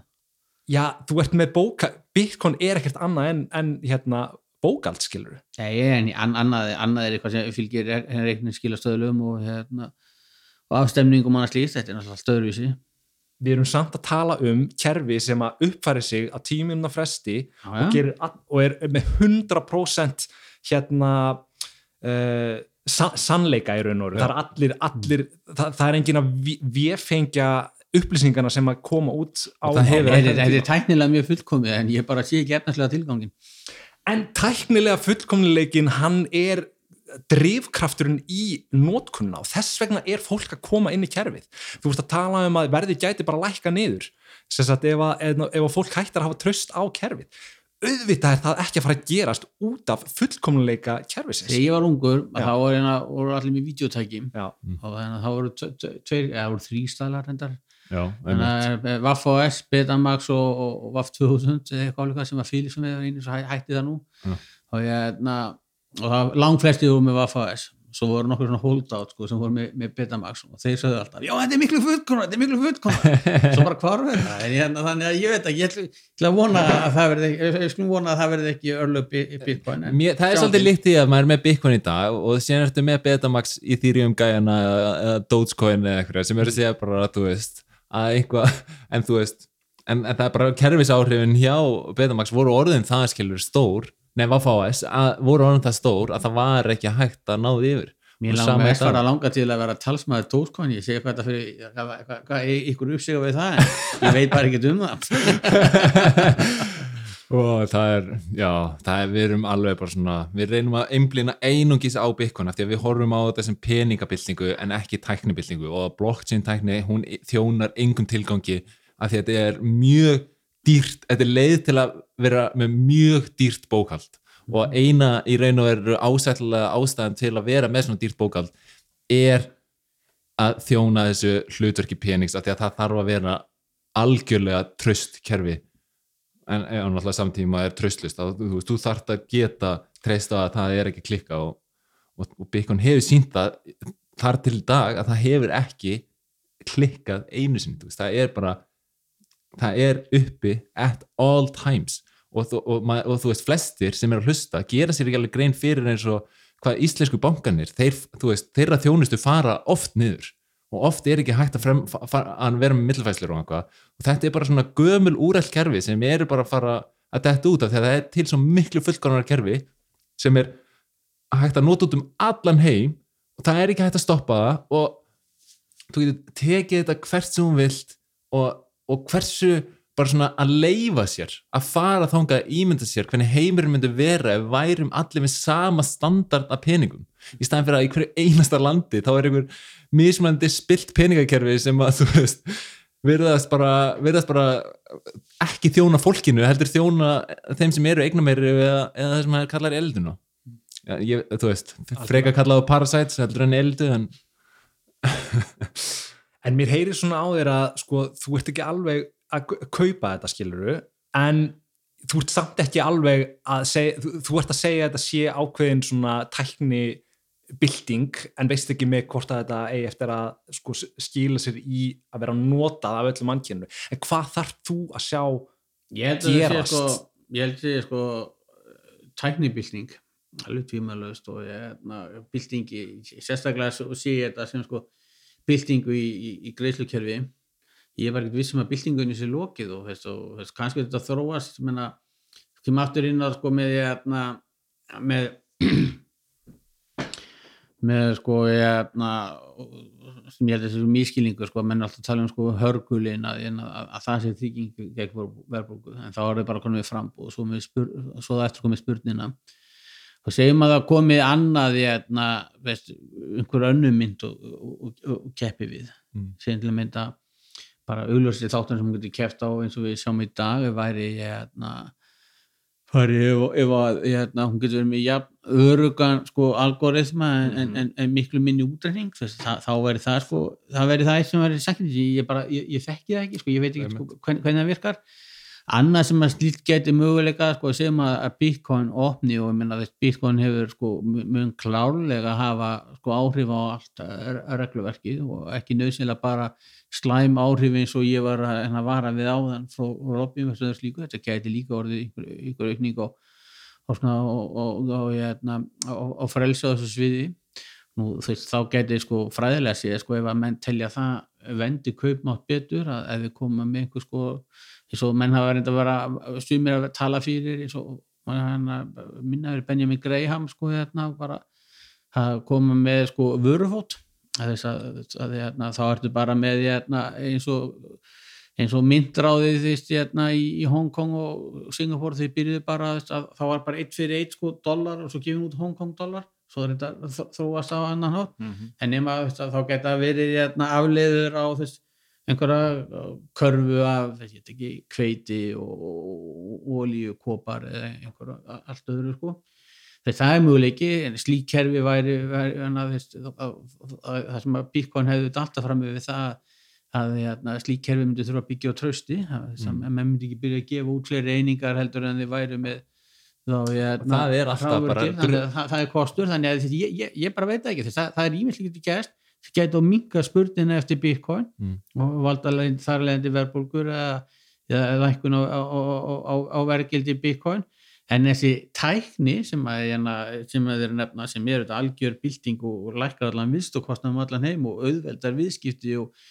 og sem vilja sekja mikið hérna hérna er sko bankaþjónustar sko réttur það fá allir að opna bankareikning og mér. Er alveg mér er bara sama hvað þú hefur til saka unni þú fær alltaf bankareikning Mhm. aftur og annars lít í hérna, mörgum öðrum ríkjum sérstaklega bandaríkjum eru bara stóri hlutar af, hérna, fólkinu sem hefur ekki aðgang á bankaþjónustu. Miljardur manns er unbanked í heimi. þú sér það, þetta er, hérna, þetta er alveg gríðarur ávinningur og, og ég hérna og, og þó ég segi þó ég hefi hérna, mikla eifasendur í Bitcoin að, að þá held ég að, hérna, að það er ekki nokkuð vafa um að hérna, þetta er svona stærri bilding sem að hérna, í, í sko vistáttum sem, að- sem að fylgjur sem bólkakjöðum eða, eða hvað sem þetta heitir alls saman sko, að, hérna, að þá ættir að vera mjög jákvæmt já, já, áhugavert. Þetta er búið að vera skemmtilegt spjall. Gætum haldið áfram mjög gaman. sko. mjög gaman. Og það var gaman að fá það aftur kannski já. að taka, taka aftur stöðun eftir, eftir nokkra mánuði ár Já, það verður eftir hvort það hækkar að læka hvort ég komi, nei. búið upp á betri veitingar eða hækkar eitthvað búið upp á en já, bara búið að vera alveg frábært gott að hérna geta fengið að tjá sig og, og ræða saman á svona löngu formi en ekki endalast á Twitter það sem að það sem að hlutinni verða oft aldrei súrir fljótt sko. En, en já, bara þökkuðu kjærlega fyrir þóru að kíkja til okkar og, og hérna, já, bara viljum þakka öllum fyrir að hlusta.